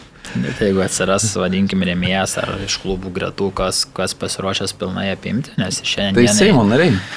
Vienas iš variantų, tai čia vėl prisideda prie visos lygos vertės kūrimo, rėmėjų pritraukimo, prie klubų įsitraukimo didesnio dėmesio. Tai, bet Matom, kiek Lenkijoje kainavo. Lenkijoje kainavo varas 2-3 milijonai eurų per metus. Tai jeigu šiandien mes pasakysim, kad federacija apmoka varą, o klubams nei teisėjimo nedengiam, nei lieka sertifikavimo ir taip toliau, nemanau, kad tai būtų ta strateginė gera federacijos kryptis. Tai bandai dėlioti, žaisti su to biudžetu ir atrasti lėšų, kad bent jau kažkokį žingsnį žengti, pradėti nuo vienerių rungtynių. Idealiam variantė aš noriu, kad ir lygos rungtynės per televiziją būtų rodomos ne kartą ir kad rodytų galbūt pagrindiniai kanalai, o ne antriniai. Bet yra tokia situacija, kalbam, šiandien dienai tos teisės nėra vertinamos taip, kaip jos turėtų vertinamos būti. Ir noras yra, kad žingsnis po žingsnio atsirastų tie komercinės tos pajamos, ką pavyko padaryti LKL ir tikrai būtent prezidento dėka. O kitą sezoną galim pamatyti daugiau lygos per televizorių ar, ar panašu, kad liksim prie... Mano asmeninė vienerių. ambicija yra bent jau dvi rungtynės, kad būtų rodomos, tai dirbam dabar su A lygos darbo grupė ir federacijos, būtent, kad tas dalykas būtų įgyvendinamas, kalbame su potencialiais transliuotojais, jų aišku nėra daug, bet tikiu, kad galbūt pavyks. Daugiau negu vienas. Aha. Ok. Uh, Trys. o, tai ir... O Jonavos klausimas uždarytas jau? Tai Jonava krenta iš lygos. Na, šitas jo. O... Vaidas savo dalis, miestas priemė atitinkamus sprendimus, praskedė, kaip galima, jeigu taip įsireikšti, dalininkų gretas, paskyrė naują direktorių. Dabar kiek girdim, kiek bendraujam, tai irgi vyksta klausimai, kas ten to Jonavoje žais, kokiu pagrindu, nes jie labiau tai žiūri per akademijos prizmę, galbūt susijungs su kažkokiu klubu, kuris turės tą elitinę vadinamą vyrų komandą, o jie liks daugiau kaip akademija, tai irgi gali būti įvairiausių niuansų. O diskvalifikacijų klausimai baigėsi? Ar dar vyksta tas? apeliacinis jau yra į pabaigą, aš manau, kad jie neteiks e, vadinamų apeliacijų, iš Mm. tikrųjų jau pagal antrą ir jau pramegojo ir visus terminus ir jau nepateikė, manau, kad kai buvo pradžioje įėjimas ir grasinimas, kad eis į CASA sporto arbitražą, tai manau, kad už match fixingą nežinau, ant kiek turi būti žulus, kad eitum į arbitražo teismą būtent su tokiamis bylomis, o tie žmonės jau yra sulaukę atitinkamų sankcijų. Tai kušlykas gavo? Taip, Kiek? Finansinė. Skaudžiai? Nežinau, jo asmeniškai reikėtų paklausti, ar jam tai yra skaudi pinigų Tai čia suma apie ar kokią ne. kalbam? Apie 5 tūkstančius, 10 Ne, tūkstančių? šiek tiek mažesnė, bet sugretinus tiek klubui, tiek vaidui, tiek treneriui, nu, tai yra Lietuvos mastu, tai yra pakankamai ženklios sumos. O Bet iš žaidėjų kiek dar gavo? Finansinis, tas finansinė nuobauda, tai taip šiuo atveju, kai tu darai tokį nusikaltimą, tai tiesiog kaip mokesčių susimoki. Tai dar būna atveju, kada ir nesusimoka ir tie patys klubai dinksta iš akiračio, tada, kada buvo primtas Atlanto ir Palango šalinimas, tai irgi šiandienai federacijos kreditorių sąraše šitie tie du klubai yra, arba tie žaidėjai legionieriai neiškios krypties, kurie atvažiavę irgi yra sąrašuose, nes jie nesusimoka, klubai už juos nemoka ir taip toliau. Tai šiandien vienintelis dalykas, kad Jonavos atveju gali būti kažkiek ramus, nes klubas tęsta veiklą, gauna solidarumą, tai iš tų solidarumo lėšų, kurios yra skirtos jaunimo ūkdymui, kol nebus sumokėtos, federacija užlaikys, tai jeigu jie norės gauti solidarumo lėšas, turės susimokėti federacijai nuobaudas.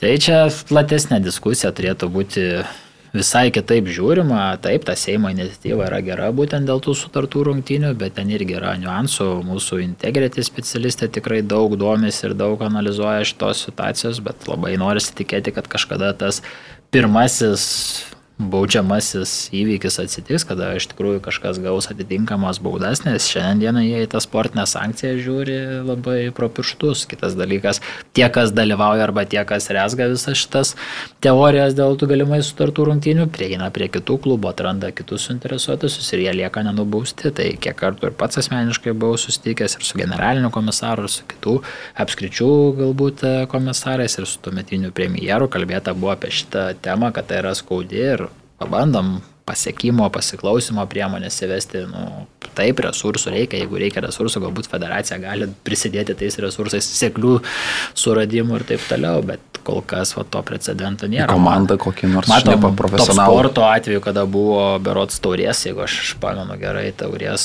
pusfinalis su palanga susijęs, taigi irgi policija ir kratas atrado, iki teisminį tyrimą buvo pradėję, teko prieš kalėdas, kai gavom išaiškinimą skaityti, ten 30-40 lapų išaiškinimą, kaip kratas darė, kaip pusbrolis, kaip ten dar kažkas, bet galutinėme etape konstatavo faktą, kad geros futbolo išmanimo žinios leido žmogui pastatyti atitinkamą pinigų sumą ir pareigojo top sportą sumokėti. Tai va, tokia vat yra ta situacija, o su lažybų kontoromis mes dažnai keičiamės tą informaciją ar tai signalais. Tai normalu, kad vyksta tas bendradarbiavimas, nes jos irgi yra suinteresuotosios užkardyti šitą visą dalyką. O Edgarai, dėl Vaškevičiaus dar pa, pa, patikslinkit, e, jis gavo baudą, bet aš kaip dabar iš jūsų kalbos suprantu, tai jis vis tiek dar vienai par kitaip yra to klubo, ar dalininkas, ar, ar, ar jau nėra.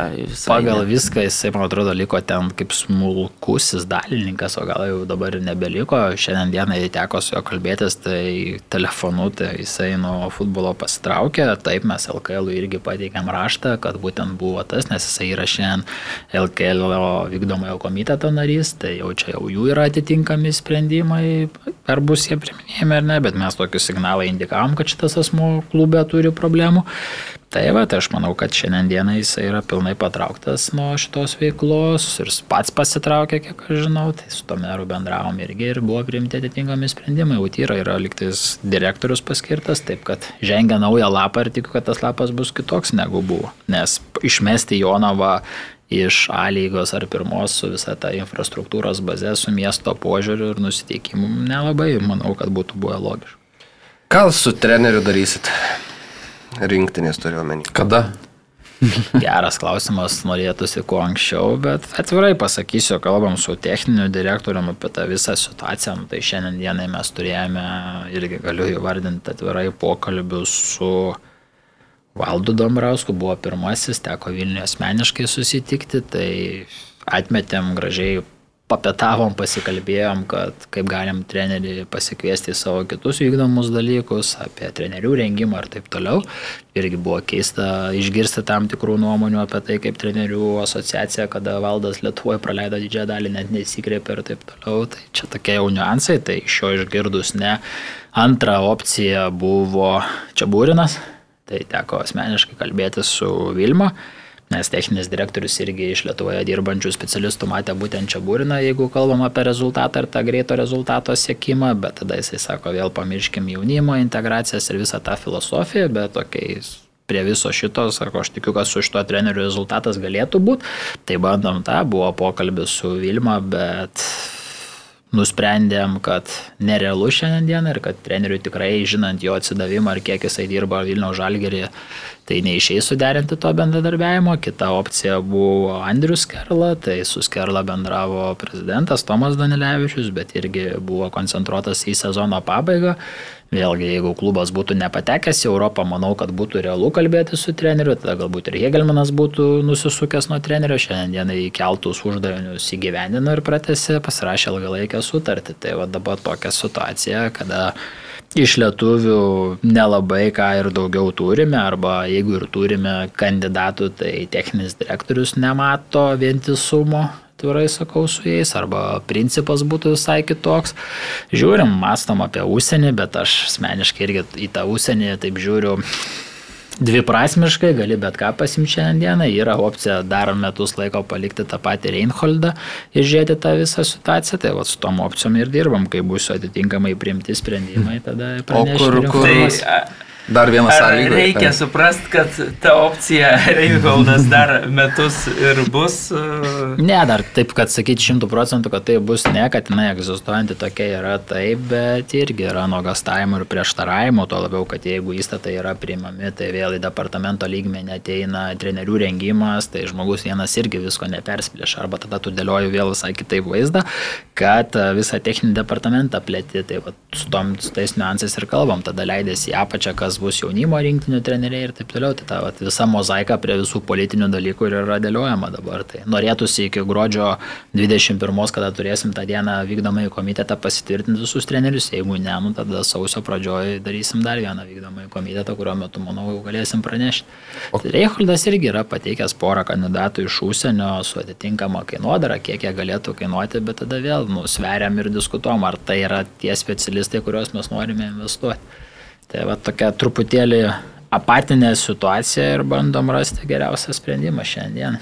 Kas, kas, spre, jo, kas už... sprendžia, ar sėdi Reinholdas ir svarsto būti kas man ar nebūti man? Sėdėm ir sprendžiam trysą, tai Reinholdas, aš ir Tomas, tai diskutuojam ir braižomės visas įmanomas opcijas, bet turim irgi suprasti, jeigu, tarkim, mes su Tomu paimsim, išrinksim, pasiūlysim vykdomajam komitetui užsienietį arba lietuvių, nieko asmeniškai valdas Urbanas, pavyzdžiui, irgi buvo vienas kaip galimas kandidatas grįžti, bet Reinholdas nu, kategoriškai mato įsiskirimą nuomonių ir tada sako, jeigu rinktinės treneris yra visai kitaip matantis, aš matau vėl visai kitaip, tai vėl turėsim tą situaciją, kada turėjome prie valdo su Patriku buvusiu techniniu direktoriu ir taip toliau, tai ir sveriam visus tos vat, situacijas. Nors realiai vykdomasis komitetas tvirtina ir atleidžia trenerius, bet, bet, bet dėliojame tą bendrą kokį pasiūlymą arba kokį draftą išnešti vykdomajam komitetui. Kas ten su tais Mickey Mouse'ais buvo? Ai, ten buvo dvigubas žaidimas tiek iš vieno, tiek iš kito, būdų geri, būdų su savo gerais charakteriais. Marius irgi gal truputėlį per, per, per karštai visą šitą situaciją sureagavo, nors atvirai aš asmeniškai Mariu mačiau kaip potencialų trenerį nacionalinės rinktinės, bet dabar suprantama, kad kol Reinholdas dirbs federacijoje techninio direktorio pareigose tas bendradarbiavimas nėra įmanomas, bandėm juos sutaikyti, kalbėti, sėstis prie stalo ne kartą ir ne du, bet, nu, tiesiog taip, Reinholdas irgi šiandien yra vokietis, karštas, uh, griežtas ir tie vat yra niuansai. Tai pagal visą subordinaciją ir buvo primtas sprendimas palaikyti techninį direktorių šitoje situacijoje, nors ten vieno teisaus tikrai nėra, būdų geri, kai aš sakau, šitoje situacijoje buvo su savo tam tikrais frazeologizmais. Vienas vieną išvadino vienaip, kitas kitą kitaip. Tai Edgaro Jankausko tokia... kandidatūros nesvarstėt? Ne, nesvarstėm šiandieną apie Edgarą, turi darbą kitur ir manau, kad kalbėjome sezono metu, pabendrauja ir Tomas žaidžia futbolo pastoviai su juo, nu, tai matom jo nusiteikimą, ką jis norėtų daryti, tai jam irgi, kiek aš žinau, buvo pasiūlymas iš tų pačių riterių, kad eiti į vyr trenerio postą, tai atsisakė arba galbūt nesusitarė, tai va tą visą situaciją stebim ateityje galbūt, bet šiandieną ir techninis direktorius jo kaip po kandidato užimti šitą postą nemato. Bet kai techninis direktorius sėdė ant dviejų kėdžių ir pats yra treneris, tai gal dėl to ir visas taip tęsiasi. Ar, ar, ar... Ir vėl čia mes grįžtame. Jo, bet aš, bet tada aš sakau dabar, nuimkim iš tų laisvų trenerių, galbūt nu, lietuvių, tarkim, Valdas Urbanas būtų kaip ir opcija. Paimkim, paskirkime, vykdomasis komitetas patvirtina Valdo Urbano kandidatūrą, užimti vyr trenerio postą, ateina į ofisą ir prasideda vėl nesutarimai, nuomonių įsiskirimai ir taip toliau. Kalbos barjerai, kad suprasti vienas kitą ir taip toliau. Tai va, čia va ir yra pagrindinis dalykas, ar mums to reikia. Jeigu turėtume lietuvių techninį direktorių vėl, tada galbūt kitoks mentalitetas, kitoks bendravimo supratimas ir visa filosofija. Nu, šiandien turim va, tokią situaciją. Bet tai teoriškai tai gali tęstis du metus, tris, kiek Reinholdo kontraktas su Reinholdu yra pasirašytas, į darbo sutartis pasirašyta iki 24 metų pabaigos.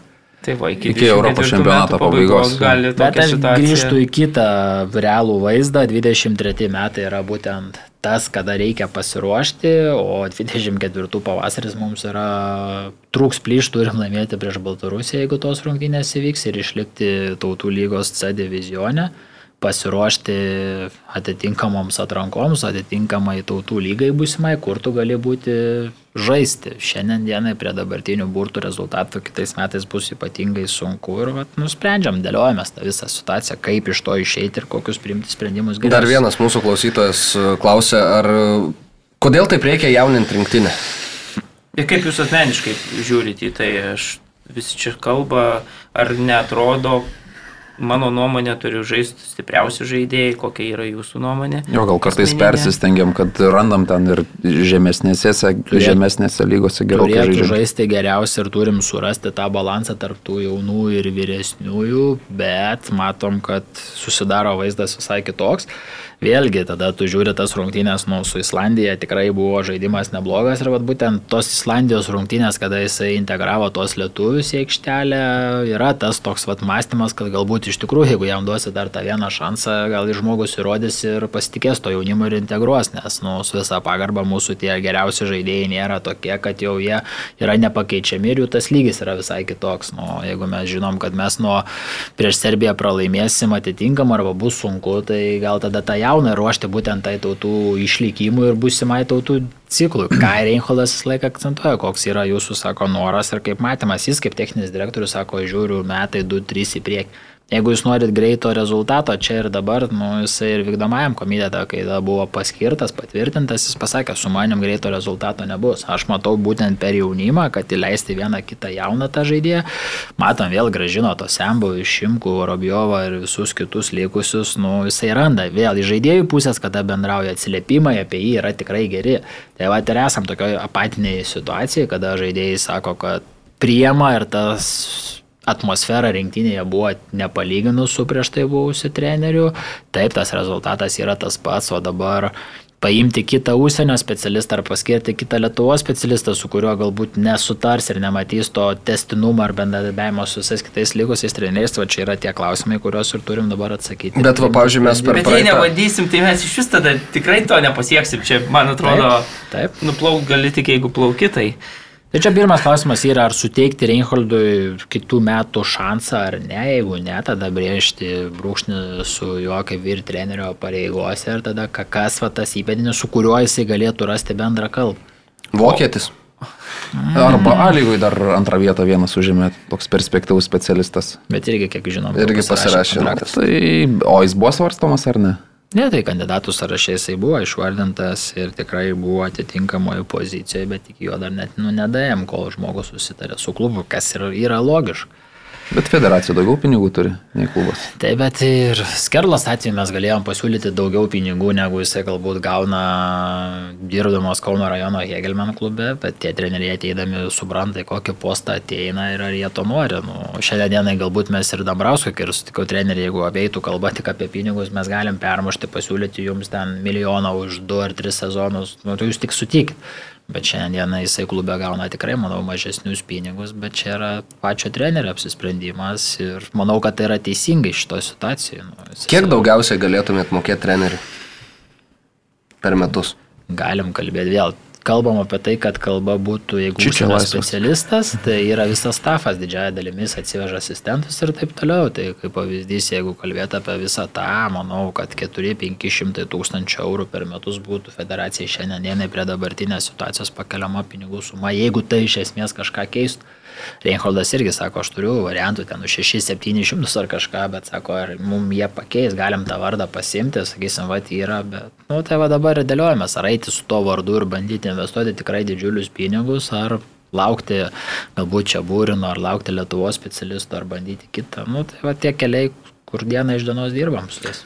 Edgarai, tas pats Marius Tankievičius paleido strėlių, kalbėdamas ir apie agentavimo visus reikalus e, susijusius su Reinhaldu mm. Kaip jūs žiūrite į tai, ar matot požymių, ką treneris e, sako, ar jūs kalbėjot su juo apie tai ir kokia yra situacija? Kalbėjom su Reinhaldu tą tematiką ne vieną kartą ir ne du, būtent Jisai atvažiavęs pasakė, aš turiu ryšius, aš turiu galimybę vaikam jaunimui išvažiuoti žaisti į užsienį ir jeigu jie norės, aš jiem galiu padėti, suvesti, bet aš nesu agentas. Ta dalyką jisai tatė, mes aiškiai nusibrėžiam gairias, kad jeigu yra kažkoks tavo ryšys ar kontaktas, kur į Vokietiją, Luksemburgą ar dar kažkur kreipiasi kažkas, duodi klubo akademijos kontaktus, suvedi ir lai bendrauja. Mes kaip federacija, mes tarpininkais tikrai nebus. Ir tu kaip techninis direktorius to negali daryti. Tai vėl aš ten į vidų neįlysiu, nepatikrinsiu ir taip toliau, bet tikrai šiandien dieną jisai mušasi, kad jokių agentavimo neturi dalykų ir taip toliau. Į požymį neižvelgęs. Tai šiandien prielaidų galėtų daryti, kad vienas ar kitas galėtų būti subjektyviai vertinamas pakvietimas į rinktinę ir taip toliau, bet vėl tada aš sakyčiau, kad tai yra ne jis, o tiesiog kas tada sugeba prie jo prieiti ir su juo subendrauti atitinkamai. Tai va čia galbūt tas būtų požymis, bet kad jisai užsiminėtų ir rizikuotų savo vardu kaip techninių direktorių 10 metų pradirbęs vienoje federacijoje atėjęs pas mus, tai vis tiek po šitos karjeros statelės, jeigu jisai kažką toliau mąstys, tai jeigu būtų tie požymiai tokie vat, išvelgiami, tai vėl jo reputacijai nemanau, kad tai būtų tinkamas, tinkama veikla. Mačiau, buvo ir klausimas, kas tie top 3 Lietuvoje agentai, kurie turi didžiausią, tarkim, įtaką prieiti prie brių. Tai šiandien daromas tas licenzijavimas, sertifikavimas, agentų veiklos reguliavimas ir manau, kad tai yra sveikintinas dalykas, nes eilę metų buvo ant pasitikėjimo asmeninių santykių grįstas kelias, tai aš manau, kad ta agentų veikla turėtų būti licenzijuojama, jinai sertifikuojama, reglamentuojama ir tada bus aišku, su kokiais agentais jis iš viso gali kalbėtis dėl vieno ar kito gauto pakvietimo į rinktinį. Tai kas tie arčiausiai rinktinės, tokie įtakingiausi pas mus? Tai yra Paknys, yra Mižigurskis, tie tokie pagrindiniai vedantis agentai. O Mižigurskis dar į Vipą ateina ar, ar jau tik Maskvoje? Dabar Vipas Kaune, tai paskutinį kartą Kaune nebuvo, kiek žinau. O gal, kalbant dar apie Kauną, kaip ten pasistumėjo, nepasistumėjo persikeliamas federacijos, ko, yra kažkokiu poslinkiu. Irgi tema. politikų žaidimas ir manipulacijos, galiu aiškiai pasakyti, kad šiandienai futbolo federacija nėra jokios sutarties nuomos sudariusi, nes ir teisiškai tai nėra įmanoma, nes taip yra renkamas operatorius, kas administruos ar operuos Dariaus Girieno stadionų ir legendinę halę. Yra trys kompanijos, kurios pateikė savo pasiūlymus, dabar yra sąlygų tikslinimas, pasiūlymų patikimas ir taip toliau, kiek bendraujam su savivaldybė, kiek bendraujam ir su som tom trim kandidatėm, tai manau, kad iki vasaros tikrai užtruks tas paskelbimas operatorius išrinkimas, net neveskim variantų ir teisinius ginčius kelius, Tai ką ir kolektyvui sakau, ne anksčiau kaip kitų metų pabaiga neįsivaizduoju to, nes, nu, tada logiškai mąstant, jeigu ten Liepa ar kada yra paskiriamas tas operatorius, tada eina mes į dėrybas, ar susitarsim ar ne, dėl nuomos sutarties, ploto ir taip toliau, ir tada jau prasideda tas įsirenginėjimas. Tai šiandieną turint planą B analizuojamas Kauno akademijos jaunimo rinktinių centro bazės renovacijos projektas, projektiniai pasiūlymai, žiūrim, ką ten galim pasidaryti ir susitvarkyti, nes ten irgi renovacija yra reikalinga jau. O kaip su LFF stadiono pardavimu? Niekaip. Ta pati situacija iš tikrųjų, kalbame su Žalgeriu, kalbame su Ryteriais, bandėm kalbėti su savivaldybė, matėm ir Zuoko kandidato į merus pasisakymus, manau, kad jeigu meras būtų išrinktas Zokas, galbūt būtų paprasčiau susikalbėti ir kad iš tikrųjų savivaldybė nupirktų tą stadioną ir atiduotų klubui ar pagal panaudą jau čia jau teisiniai niuansai, kreipiasi kelios įmonės, bet šiandienai mes apie pardavimą kažkokiam komerciniam subjektui net nesvarstom, nes mes norim, kad tas stadionas išliktų futbolu ir kad klubas turėtų jame ar klubai žaisti apskritis naudotis, netgi buvom kalbėję apie tokį dalyką, kad galbūt miestas nuperka ir stadioną paskiria administruoti Vilniaus apskritį, duoda apskričiai ir tada jau apskritis, kad nebūtų ten mylių, nemylių, vienas klubas gali eiti, kitas ne, jie jo operuoja ir administruoja, bet vėl ar tai yra Vilniaus apskrities kompetencijoje ir ar tai yra jų pagrindinė veikla, tai kol kas tokia situacija, kad gyvenam kaip gyvenę ir tvarkomės tą stadioną kiek galim ir bandom išbristi iš tų visų ankstesnės vadovybės pridarytų nesąmonių finansinių. Okay. Jo, čia toks ilgas kompleksinis klausimas. Sakėt, kad parduodami stadionai investuotume, tarkim, į naujosios Vilnios, Vilnios kompleksą. Tada kitas dalykas, jūs ir A lygą federacija valdo, žinom, kur yra Lietuvos futbolo rinktinė, gal kartais mums trūksta susižaidimo. Pavyzdžiui, kaip daro amerikiečiai, jie rengia e, ir sezono metu surengia tam tikras stovyklas, kur susikviečia savo žaidėjus e, žaidžiančius vietiniam čempionate ir tokią stovyklą daro. Dabar mes tokiuose laikuose gyvenam, kur didžioji dalis žaidėjų mūsų žaidžia lygoje mes dėliodami tvarkaraštį negalėtume tam pačiam briu duoti ten pavasarį dvi savaitės stovyklą, vasarą dvi savaitės, rudenį, gal tai mums kažkaip padėtų. Aš matau, jau tu susigyvenai su ta idėja, kad briu toliau metus bent. ne, neįmanomas variantas dėl oficialių langų, taip tu gali. Bet tai mes A lygos tvarkaraštį sudėliojom, tai mes tiesiog pasidarom ja, dvi savaitės matėm, laisvas. Kada šiemet baigėsi A lygos čempionatas su Žalgirio patekimu į Europą. Tai padaro mažiau ratų tada keičiam visą sistemą. Aš manau, kad keturi ratai 36 rungtynės klubų yra tikrai optimalius skaičius, nes jeigu pereisim prie skilimo čempionato, tai aš manau, kad vėl grįšime tą situaciją, kada turėsim dar daugiau galimai sutartų rungtynių klausimų. Grįžtant prie Briuto, jo nuomonė ir strategija yra tokia, kad federacija visgi turėtų grįžti prie regioninių centrų kūrimo arba akademijos, kas ir buvo Luksemburgė jo atveju padaryta, kad iš tikrųjų talentingiausius jaunuolius sutraukti į vieną vietą, tik tai grįžti prie tos akademijos statuso, bet grįžti ne taip, kaip buvo prie praeitos vadovybės, kada ir teisės liko už žaidėjus akademijoje, bet iš tikrųjų tada, jeigu taip logiškai žiūrėti, tai žaidėjai suvažiuoja į akademiją, turi treniruočio savaitinį procesą ir savaitgalį grįžta pas save į klubus, atstovauja juos. Ir atitinkamai visos teisės, viskas priklauso klubams, iš kurių jie yra pakviesti, tai Briu mato per šitą prizmę vystimasi, bandysim ateityje kalbėti su klubais, nežinom klubų nusiteikimą šiandieną į tai, kas buvo praeitie, toks ganėtinai priešiškas, todėl reikia išlaukti šiek tiek dar laiko, kad pateik dėl to ir tvarkom tą jaunimo rinktinių centrą, norim viską susitvarkyti, išsikopti, išsivalyti, kad ten vat, ir galėtų būti kaip toks pagrindinis headquarteris ir centras. Grįžtant prie naujosios Vilnius, tai buvo padaryti visi pasiūlymai, buvo ir fondo paraiška duota, kad mes 40-50 milijonų skolinamės, investuojam, leiskite daryti futbolo namus, didelis Vilnius miesto savivaldybė pasakė, kad mes neinvestuosim, mes sutinkam su to, kad jūs neinvestuosit, bet tada atsistojo klausimas toks, kad jeigu mes dedame, investuojame pinigus, pinigus, pritraukiam investuotoją, pritraukiam fondą, tai automatiškai mes ir norim valdymo teisės, nes normalu, kad niekas nedės e, pinigų neinvestuos į tokį projektą be valdymo teisės, bet žinom šiandien esančius naujosios Vilnius valdybos narius, kas jie tokie yra ir matom tą opoziciją, jinai priešinas ir būtent to 17 hektarų sklypo niekas nenori paleisti taip lengvai. Ir čia yra vienas iš tų tokių kertinių momentų, dėl kurių manau, kad ir tą patį Seimo nariai užsikūrė ir pradėjo daryti visą šitą agitacija. Daug povandeninių ir politinių dalykų, manau, kad yra žaidžiama ir vieni ar kiti žmonės nenori paleisti iš rankų būtent šitos organizacijos, nors patys irgi nieko nedaro, mes buvome atėję ir sakom, leiskit mums daryti, mes norim pasidaryti pagrindinius ofisą, pagrindinį namą, kaip sakoma, futbolo namus, kuriame galėtume visus norinčius sutalpinti ir parsidavus LFF federacijos stadioną galėtume tos pinigus būtent į šitą projektą investuoti. Bet kol kas du metai, kiek kalbėjomės, vis palaukit, palaukim nacionalinio stadiono, kaip jis įspręs ir taip toliau. Matom, kad nejuda. Ar pažymį parašytumėt Briu už tą visą darbą, kurį jis dirba nuo to, kai Techninio? pradėjo? Taip.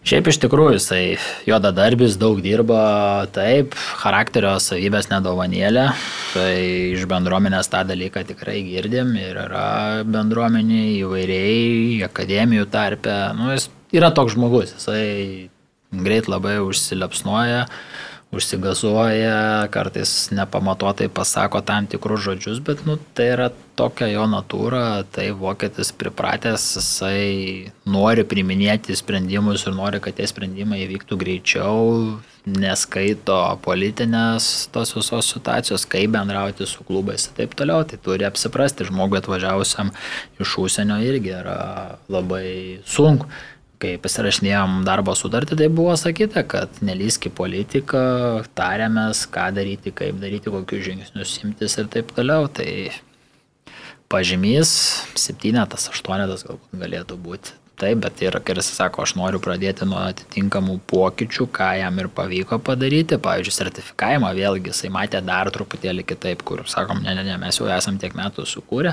tiek metų darę ir negreunam tos sertifikavimo bazės, ant kurios mes dabar važiuojam ir taip toliau. Tai nėra taip, kad tik tai jo mintis ir idėjos yra generuojamos ir įdedamos. Dabar pasitvirtinom per praėjusį vykdomąją komiteto posėdį talent development programą, tą sistemos įdėgymą, TDS taip vadinama, tai irgi bus regioninių centrų pagrindų daromos treniruotės, bet jos bus daromos kiekvieną savaitę po kelias treniruotės, turėsim visose regionuose, tai tie sprendimai yra primamėjami, tas pats skautingo platformos atsiradimas ir taip toliau, tai tikrai žmogus atiduoda visą save, bet jam reikia pagalbininkų ir vietinės bendruomenės supratimo. Šiandien dienai to supratimo tikrai trūksta, nes mes žinom, kai vyksta, nori tam tikrų politinių dividendų ir klubai, yra įpratę bendrauti per vykdomojo komiteto narius ir taip toliau ir, ir užsikūrė visas šitas ratas. Mhm. Metus laiko jau dirba Briučia. Taip. Ka- Kaip jis mato, kur mes e, atsiliekam, kur Taigi mes... sakė, kad ne, nežiūrėk dabar į... Per praeitą spaudos konferenciją briu, prieš, prieš Islandus dar. Sakė, kad e, Ir ne- apie Baltijos taurės jau ir kaip vadovai žiūri į tokius, sakykime, trenerio pasisakymus, kai, na, federacija yra iškėlus, akivaizdžiai deklaruoja prieš tai buvusim treneriam, kad čia, na, tikslas yra, yra laimėti Baltijos taurę ir tada treneris ateina į spaudos konferenciją prieš tą Baltijos taurę ir tiesiai šviesiai pasako, pažiūrėkite į reitingą, kur mes esame ir kaip jūs vertinat ir ar nėra tada pokalbių, jeigu sakot, kad trysė susėdat. Yra tie pokalbiai, tai- pastovi irgi yra auklėjimas ir pas nuomonių apsikeitimas yra, tai jeigu tavo federacijos vykdomoji valdžia, tai yra vykdomasis komitetas nustatė rezultatą ir gairias prieš tai buvusiam treneriui užimti atitinkamą vietą pogrupį ir laimėti Baltijos taurę, tu ateini į spaudos konferenciją ar tu sakai savo su nieko nesuderintą nuomonę, tai irgi keistai atrodom, ką vat, jūs ir minit. Bet šiandieną, jeigu taip grįžtat gal į tą vykdomojo komiteto posėdį, tai sako, kai jūs mane tvirtinot laikinai einančių to pareigas treneriu, aš pasakiau, kad nu, mano tikslas nėra laimėti Baltijos taurę. Tai galbūt ne visi tą suprato, neužakcentavo ir taip toliau. Dėl to jis sako, aš turiu savo kelią, aš einu į tą tobulėjimą, jeigu jūs to tobulėjimo netikit, tada jau, okei, okay, aš lieku kaip techninis direktorius. Ir... Bet ar jums tinka toks pasisakymas Tai trenerio, čia kad jis diena turi iš savo kelią ir eina kur nori, jeigu Čia dien, federacija dien, mąsto, diena iš dienos yra darbas su juo pačiu ir, nu, tai jam tas stereotipų laužimas, išaiškinimas tos vietinės. Kaip specialistas jisai yra tikrai geras. Tai tas pats nesinori, kad paimti trenerio, kuris irgi bus su atitinkamu charakteriu ir tada turėsim tą tokią apatinę situaciją. Nu, ir bandom išeiti iš tos situacijos, jam aiškindami, žiūrėk, Lietuvoje veikia taip, mes darome taip, einam žingsnis po žingsnio taip ir taip toliau. Nu, tai arba tu adaptuojas ir tu prisitaikai, jeigu ne, tada vykdomasis komitetas priims atitinkamus sprendimus. Nu, tai jis žmogus irgi atvažiavęs pusę metų pirmų atrodė jam vienaip, dabar jau situacija irgi pasikeitus ir jau negali sakyti, tikrai padaręs yra išvadas atitinkamas. Tai tikiu, kad pavyks toliau tęsti darbus su jo techninio direktoriaus lygmenį, atsiliepimai apie jį kaip apie techninį direktorių arba dabartinius kursus, kai organizuoja, tai yra iš tikrųjų geri ir nesinorėtų tokį žmogų prarasti techninio direktoriaus O pareigų. nėra taip, kad jo tiesiog toks, nežinau, malonumas jam yra treniruoti ir jis dabar tuo treneriu būna, va, duokit man tą, duokit dar metus, aš pabūsiu, aš pažiūrėsiu, man Visų patinka, pinigų ne, ne, ne, ne, nemokėkit. vis tiek, kas yra techninis direktorius, iš dalies jisai yra buvęs treneris. Nu, tai klausiau irgi gerbiamą Aureliaus Karbaliaus kitą podcastą, kuriame jisai sako, aš esu treneris pabuvęs, aš esu techninis direktorius ar vadovas, bet vis tiek aš ir treneris ir tas, tai lygiai tas pats ir briu. Jisai save mato, jeigu jo nebus rinktinės vyriausių trenerių, jisai sako, aš noriu turėti jaunimo rinktinės, noriu turėti ar U17, ar U15, bet nu, mano noras yra labai paprastas. Ta pati darė ir kalbėjo Patrikas Devildė, prieš tai buvęs techninis direktorius. Ir tai yra irgi visose kitose asociacijose, kai tu nuvažiuoji, kalbi, bendrauji, nu, lygiai taip pat. Tie techniniai direktoriai, jie nori save realizuoti irgi aikštelėje ir įgyvendinti. Tas rytis tik tai kartais gal per daug užsibrėžiama padaryti vienam, tai turi tas funkcijas deleguoti savo departamento kolego. Jo sutartis, kai, kai jis perėmė tą vairą, tai nieko nepasikeitė, bent tuo metu buvo dabar kas nors Niekas pasikeitė. nieko nepasikeitė. Atlyginimą jis gauna kaip techninis direktorius ir viskas. Tai darbo sutartis kaip techninio direktoriaus ir niekas šito vietoje nesikeičia. O jeigu liks dar metam? Tai bus pusė milijono. Ne, su juo irgi kalbėta, kad jeigu lieka, atsirastų motivacinė, jeigu patenka, o žinom, vokietis nori patekti į Vokietiją vyksantį 24 metų Europos čempionatą, tai galbūt apie bonusus tiek jam, tiek 10 komandai. tūkstančių bonusas būtų. Kad ir 10 tūkstančių, bet tik svarbu patektų ir tie taškai. Ir Koks būtų bonusas, būtų. jeigu Lietuva patektų į Europos čempionatą? Buvo kalbėta apie, pavyzdžiui, 30 procentų nuo ateinančių pajamų atitektų treneriui ir komandai ir jau tada jau federacijos vadovybė nelenda į vidų, jau jie dalinasi kaip jie nori, lygiom dalim ir taip toliau, kas ir būdavo anksčiau, kad jeigu ta, kiti eina pagal taškus iškovotas ar pergalės yra jau vairių, bet jau čia jau pats pats galutinis momentas, pradžioje turim rasti pagrindinį atsakymą, kas tas naujasis rinktinės treneris. Tai Brius sako, kad mes galim patekti į Europos čempionatą. Jis to tiki, jis to mato, nu, ir taip skambiai pasakyta, bet nu, jis, jo matymu yra, kad suteikti šansą jaunimui, turint vieną kitą tą pajėgų veteraną, bet su veteranais irgi jisai turi atitinkamą nuomonę, kad tie veteranai turi būti verti arba turi būti geresni negu tas jaunimas ir sako, jeigu aš potencialą jaunime matau geresnį, kad jisai metų ar dviejų metų bėgėje jį davus atitinkamos parengties ar įgyjus patirties jisai žais geriau, tai sako, aš mano per profilio įmą aš rinksiu visą laiką tą jaunesnį žaidėją. Tai va čia ir atsiduria. Anot Lietuvos rinktinės trenerio patekti į Europos čempionatą yra šiek tiek lengviau nei laimėti Baltijos taurę. Jam vadovaujant. O kaip mums sekasi žvejoti, ieškoti tų talentų, kurie Jo, apie, auga apie užsienį. užsienyje, jo, irgi klausimas. Lietuviškom pavardėm, ne Norim, lietuviškom. norim kitais metais turėti tas atrankinės stovyklas, taip tą sąrašą, tą duombazę mes turim, nes yra visi vaikai registruojami per TMS, per Kometą ir taip toliau, tai mūsų techninis departamentas visą tą vaikų sąrašą turi.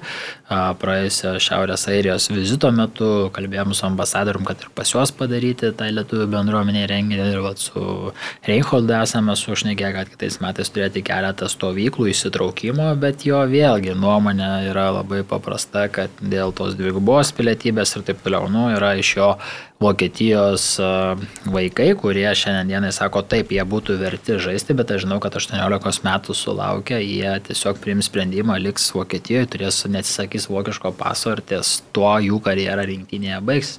Tai jis labiau žiūri tada pagal jo nuomonę, pagal jo filosofiją, kad jeigu aš turiu ar pirmoje lygoje, ar lygoje esantį jaunuolį, kurį aš dieną iš dienos čia matau, tai jam suteikti šansą ir įrodyti, kad jisai gali ir čia žaisti Lietuvoje ir atstovauti jaunimo rinktinės, negu tam išeivijos lietuviui, kuris iki 18 metų ir tada tikėtina, kad ne, ne, neatsišauks to paso ir pilietybės, sako, bet jeigu atsitiktų taip pat jisai Vokietijos pilietybės atsisako ir pasiema Lietuvą, jokių problemų. Tai va čia yra irgi tokie filosofiniai jo dalykai, matymai, su kuriais mes nu, dirbame ir bendraujame dieną iš dienos. O kokia yra su anglų vaikais? Čia vadimas Tiščenka dažnai pabrėžia, kad iš vis neįdomu yra Reinholdui visi tie akademijose, tose, kad ir elitinėse. Su vadimu mes esame bendravę to pat ties Belfasto sustikimo metu buvo atvykęs bendravom.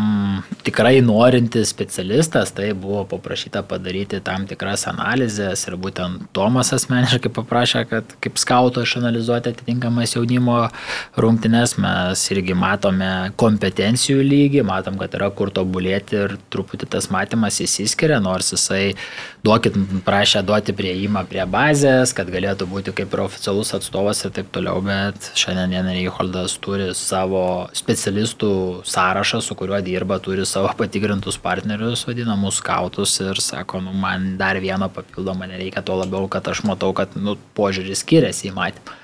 Tai Bet va. jis bent jau sako, kad Ringvalui net neįdomu, sakė tiesiai šviesiai ten viešoje. Ne, taip nebuvo, gal truputėlį irgi pasikaršiavo, ar yra įžeistos tam tikros asmeninės ambicijos, tikrai su to vadimu įmanoma ateityje, manau, dirbti ir neturėtų būti, jeigu iš pirmo karto tavęs nepaima, pradedi kritikuoti federaciją, pradedi kritikuoti arba rašyti tam tikrus postus Facebook'e ir taip toliau, nu taip kažkaip netrodo solidžiai ir nesielgiama. Tai, tai Ringvaldas tikrina e, tuos. Mes bazę turime jisai tą visą žino ir sakau, noras yra pasidaryti dar kelis gyvus renginius, kad sukviesti visus norinčius, kurie galėtų. Bet čia klausimas tada atsiranda tos dvigubos pilietybės arba pilietybės atsisakymo paso, nes jeigu iki 18 metų mes juos investuosim po 18 metų, jie baigs ir liks savo tose šalyse, kuriuose yra leidę šaknius, o tikėtina, kad daugelį atvejų taip ir bus, tai jisai sako, aš tame nematau tada tikslo. O kaip krepšiniai pavyksta?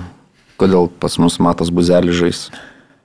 Tai Matas Buzelis turi ir Lietuvos pasą. Ir pagal, o kodėl, kodėl jis gali dvi turėti, o kiti viskas galima, leidžiama. O tai kodėl, tarkim, tas vokietis, kuris žaidžia Vokietijoje, negali turėti... Nes jisai turi tik tai Vokietijos pilietybės, neturi šiandieną Lietuvos. Tai čia baig... gimęs. Tai aš manau, kad kai bus prezidento rinkimai, galbūt bus ta vadinama rezoliucija, referendumas dėl pilietybės sudėgymo ir galbūt irgi bent iš dalies tą dalyką ir praspręs. Bet šiandieną, jeigu Matas Buzelis būtų žaidęs už bet kurią jaunimo rinktinę Amerikos, tai tada jis jau negalėtų žaisti už Lietuvą. Galėtų rinktis vyrų po to. Vyrų nebe, taip, bet jaunimo tarpe ne. Tai tas pats pas mus irgi su FIFA, su JAFOS ta visa sistema tarptautinė, tai yra tų niuansų, su kuriais reikia dirbti ir nėra taip paprasta, kaip atrodo paprastam žiūrovui ar skaitytojui. Kodėl nėra to ar nėra to, tai yra tam tikri dalykai arba barjerai, dėl ko yra priminėjami vienas ar kitas sprendimas, kad ir koks jisai logiškas ar nelogiškas būtų. Gerai, vyručiai, visai, visai ilgai čia pasi, pasikalbėjom. Ačiū, Edgarui, kad atvyko pas mus į skriejantį kamolį. Ačiū Mariu, ačiū Aurimui ir, ir man ačiū. Iki, iki kitos savaitės atsisveikinam su jumis ir kas laimės čempionatą pasaulio. Galbūt Prancūzija, sakyčiau. Okay. Ir lauksim, lauksim kylančių rankų aukštyn ir lauksim pokyčių, kurių, kurių laukiam ilgai ir kurie tikėkime, kad pralauž tuos ledus į teigiamą kryptim bent jau. Dėkui. Ačiū. Ačiū treneriu. Jo. 50 ant 50. Išgirdo.